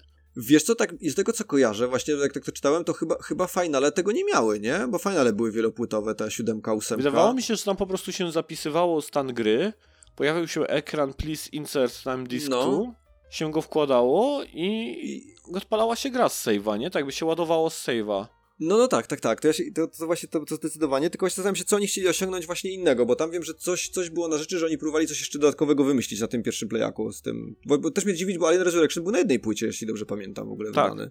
No, Może wiesz, może chodziło, że oni coś kombinowali tam więcej z tą, z tą grą i, i tylko ostatecznie zrezygnowali z tych pomysłów. Mm. Nie wiem, nie wiem, nie wiem o co chodzi. No, trzeba by się zagłębić w temat. Może jeszcze coś wyjdzie, wiesz. Nigdy nie wiadomo, Tak. co ten Alien jeszcze tam skrywa. tak, ale, ale ciekawe. No to było Mhm. właśnie gdzieś tam coś mi obiło się o uszy, na którymś podcaście ktoś o tym mówił i fajnie, że to tutaj wrzuciłeś, bo straszna, strasznie cieka- ciekawostka taka e, typowa, mocna ciekawostka. Mhm. Dobrze, no to teraz zamykamy odcinek e, z sekcją gry i pieniądze. Money, money, money. The Game Awards przyciągnęło 118 milionów widzów jest to przyrost 15% rok do roku. Choć muszę powiedzieć, że e, strasznie się wylało dużo jadu na The Game, The Game Awards, e, szczególnie od deweloperów. Ponieważ ja może oglądając to w nocy razem z Cezarem to tego tak nie, e, nie odbierałem, ale tam ludzie strasznie narzekali na to, jak bardzo ciśnięci byli ci deweloperzy, jeśli chodzi Mhm. o te odbieranie nagród, podziękowania i tak Mhm. dalej. Um, No ja rozumiem, że Kratos rok temu przesadził, tak, z tą 8-minutowym swoim gdzieś tam Mhm. wywodem na scenie, ale żeby, wiesz, każdemu 30 sekund nałożyć, bo tam chyba każdy miał 30 sekund tylko na, na, na, na scenie, No to też trochę tak, tak, moim tak. zdaniem e, kiepsko. No ale Jeff Keighley robi co może, żeby to się jakoś tam udawało. Mm. Następnie Humans Fall Flat sprzedało się w 50 milionach sztuk. E, to całkiem solidny wynik, 50 milionów sztuk, wow. E, nie wszystkie gry, mało które gry takie Mhm. osiągają wyniki, więc e, warto sprawdzić pewnie tytuł. Sea of Stars osiąga 4 miliony graczy e, w 4 miesiące od premiery. To też jest Super wynik. mega wybór. Sabotaż na pewno świętuje i, i planuje kolejne produkcje. Tylko, tylko pogratulować. I tutaj mam z komentarzem od razu od Cezara. Starfield sprawdziło 13 milionów graczy. I tutaj pod naszym postem na karcie społeczności na kanale, gdzie właśnie prezentujemy linka i tam też możecie komentarze wrzucać. Cezar e, napisał, proszę garść statystyk, nad którymi się zastanawiałeś. To był chyba bezpośrednio do mnie. Starfield, 13 milionów graczy, 22 miliony dni grania, prawie 2 miliardy odwiedzonych planet. Co z tego, że wszystkie takie same? E, 40 godzin średni czas na jednego gracza. Wynik bardzo przyzwoity. E, No, ten Nie wiem. czas to, to, to rzeczywiście taki duży wychodzi trochę, nie? Jak na, jak na to, co się słyszało o Starfieldzie, że wiele osób się tak odbijało od razu, to 40 godzin, to tam niektórzy musieli naprawdę ponabijać jakieś konkretne te wyniki, żeby to wyszło tak średnio. Wow. przy tym, ile graczy nie dochodzi do pierwszych checkpointów w niektórych produkcjach, ile nie kończy gier Mhm. e, i spędza w grach, nie jestem w stanie tego udowodnić i, i o, musimy tak jakby za tymi danymi ten, jakby podążać, ale dla mnie bullshit. I, i, śmie- i śmierdzi mi to strasznie. Te 40, 40 godzin średnio każdego gracza. Jasne, że są ludzie, którzy wbilią pewnie 200 godzin w tego Starfielda, bo im się tak podoba i trafił No. zupełnie do nich, spoko. Ale średnia 40 godzin? Mm, Naprawdę musiałby ktoś tam, wiesz, jakaś duża grupa osób musiała mieć po prostu cały czas włączonego Starfielda i tam nabijać po prostu ten wynik już w tysiącach godzin, żeby to chyba się wyrównało do tych 40. To też mi tak mówię. Po tym, co Tym bardziej, że- opinie, że... że na pewno ci, którzy dostają grę w Game Passie, włączają na chwilkę, tak jak mówisz, i wyłączają, po prostu zaniżają średnią, tak? Mhm. No właśnie, właśnie. Więc. No dobrze. Znaczy, okej, sukces sukcesem. Tak jak każdemu, kto mu się Starfield podobał, ja też mam kumpla, który jest absolutnie zachwycony e, i, i, gra często w Starfielda, to tylko więcej dla was i fajnie, że się tak dzieje. Natomiast te 40 średni czas na jednego gracza to dla mnie jest. No nie wiem. Nie wygląda to jakby na, na moje, moją znajomość tego, ile ludzie spędzają czasu w grach, takich singleplayerowych, to to jest dużo. To było naprawdę, naprawdę dużo, Mhm. taki średni czas grania. E, Sony sprzedało, i ostatni news, Sony sprzedało 50 milionów PS5. E, ostatni milestone, który Sony gdzieś tam ogłosiło, ogromny wynik.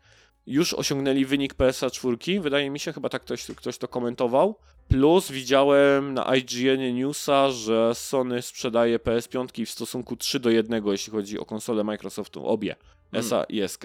3 do 1, więc to jest po prostu gwałt, gangbang, można powiedzieć, na, na, na, na obu konsolach e, ze strony gdzieś tam PS5, ale żeby się tak nie cieszyć, to to, co się dzieje w studiach i te produkcje, które wychodzą, a bardziej nie wychodzą, no to jest znacznie bardziej niepokojące w, w tym momencie, bo nie ukrywam, że najbardziej racjonalnym powodem dla Sony by było po prostu hej, sprzedawajmy konsolę, ale gry niech się po prostu wydają jako inni wydawcy, tak? Żeby nie ponosić Hmm. gdzieś tam pełnego e, kosztu produkcji tych, e, tych gier. Wiadomo, że wtedy się traci dużo, bo tak naprawdę tylko 30% wtedy, wtedy jest zysku z gier, Mhm. no ale nie ma dużego gdzieś tam balastu, nie? Co ten rok chyba pokazał, tak? No bo Sony też nic nie wydało w tym roku z tego względu, że doskonale wiedziało, że zarobi kasę po prostu z innych Mhm. em, źródeł, więc Nie było po co się pchać. Tak nie było po co się pchać. Więc no zobaczymy, co będzie dalej, jeśli chodzi o ten content gamingowy od Sony. Nie wygląda to zbyt różowo. No a nie wygląda też, bo cholera nic nie wiemy. Sony, Sony po prostu zatkało sobie usta, nie mówi absolutnie nic. Ty powiedziałeś tam, też mi się teraz przypomina, mówiłeś w którym, że kolejne state of play, kolejne showcase'y. Mhm. Ja nie wiem, czy Sony cokolwiek ma w planach mówić i tak dalej. Już tak długo nie powiedziało nic, że trudno tutaj cokolwiek jakby... No serio, nie wiemy obecnie nic o kierunku i tego, co, czego się spodziewać. Mamy Helldiversów w lutym i to jest tyle. Więc Tak. fajnie by było, jakby ktoś tam zaczął mówić e, z, z obozu PlayStation cokolwiek, serio cokolwiek. Byłoby miło. Byłoby miło, no, byłoby o czym gadać. Choć i tak było o czym gadać. E, ja myślałem, że ten okres świąteczny to nas trochę e, tak jakby zluzują z wiadomościami i kontrowersjami e, wydawcy, twórcy i deweloperzy. Natomiast i tak odcinek bardzo duży, bardzo gdzieś tam e, bogaty w różnego rodzaju informacje. Mamy nadzieję, że Wam się e, podobał, że te dwie godziny spędzone z nami było dla Was fajne. Koniecznie dajcie o tym oczywiście nam znać. I co? Będziemy się żegnać, więc dziękuję Ci bardzo, Bruczewski. Jakieś słowo na Dzięki koniec? serdeczne. E, No może wesołych świąt dla wszystkich i tak jak będziecie mieli okazję, to spędźcie je w taki sposób, żeby, żeby właśnie odciąć się od tych codziennych wyzwań, od tego, co macie do zrobienia, tak. Cieszcie się teraz tym, co jest e, tu i teraz i właśnie nie myślcie o tym, co was czeka, nie wiem, za tydzień, za miesiąc, za, za pół roku czy za rok, tylko po prostu świętujcie i odpoczywajcie w tym, tym czasie. Nie myślcie, co tam na roadmapie e, Insomniaka jest. Patrzcie, co teraz jest wydawane. Więc dokładnie tak ja się też pod tym podpisuję. Zdecydowanie wesołych, spokojnych świąt. Niech każdy spędzi je w taki sposób, jakby sobie chciał i wymarzył. Nie będziemy na, nakreślać, co dokładnie macie robić, więc e, more power to you. Trzymajcie się ciepło e, i widzimy się, widzimy, słyszymy się w 2024. Wracamy raz z początkiem roku, też tylko dlatego, że nas słuchacie, że dajcie o tym znać, więc jeszcze raz dzięki, trzymajcie się, pa pa! Cześć, cześć. Raport o grach to podcast w ramach bloga Raczej Konsolowo www.raczejkonsolowo.com Znajdziecie tam linki do drugiego podcastu Raczej Konsolowo Gamecastu oraz do kanału YouTube. Na samym blogu natomiast wpisy poświęcone grom wideo. Jeśli podobało Wam się to, co usłyszeliście tutaj, prosimy Was o recenzję i pozostawieniu dobrych ocen w serwisach podcastowych, co pomoże nam dotrzeć do większej grupy słuchaczy. Za wszystkie oddane głosy i recenzje serdecznie dziękujemy. Do następnego odcinka za dwa tygodnie.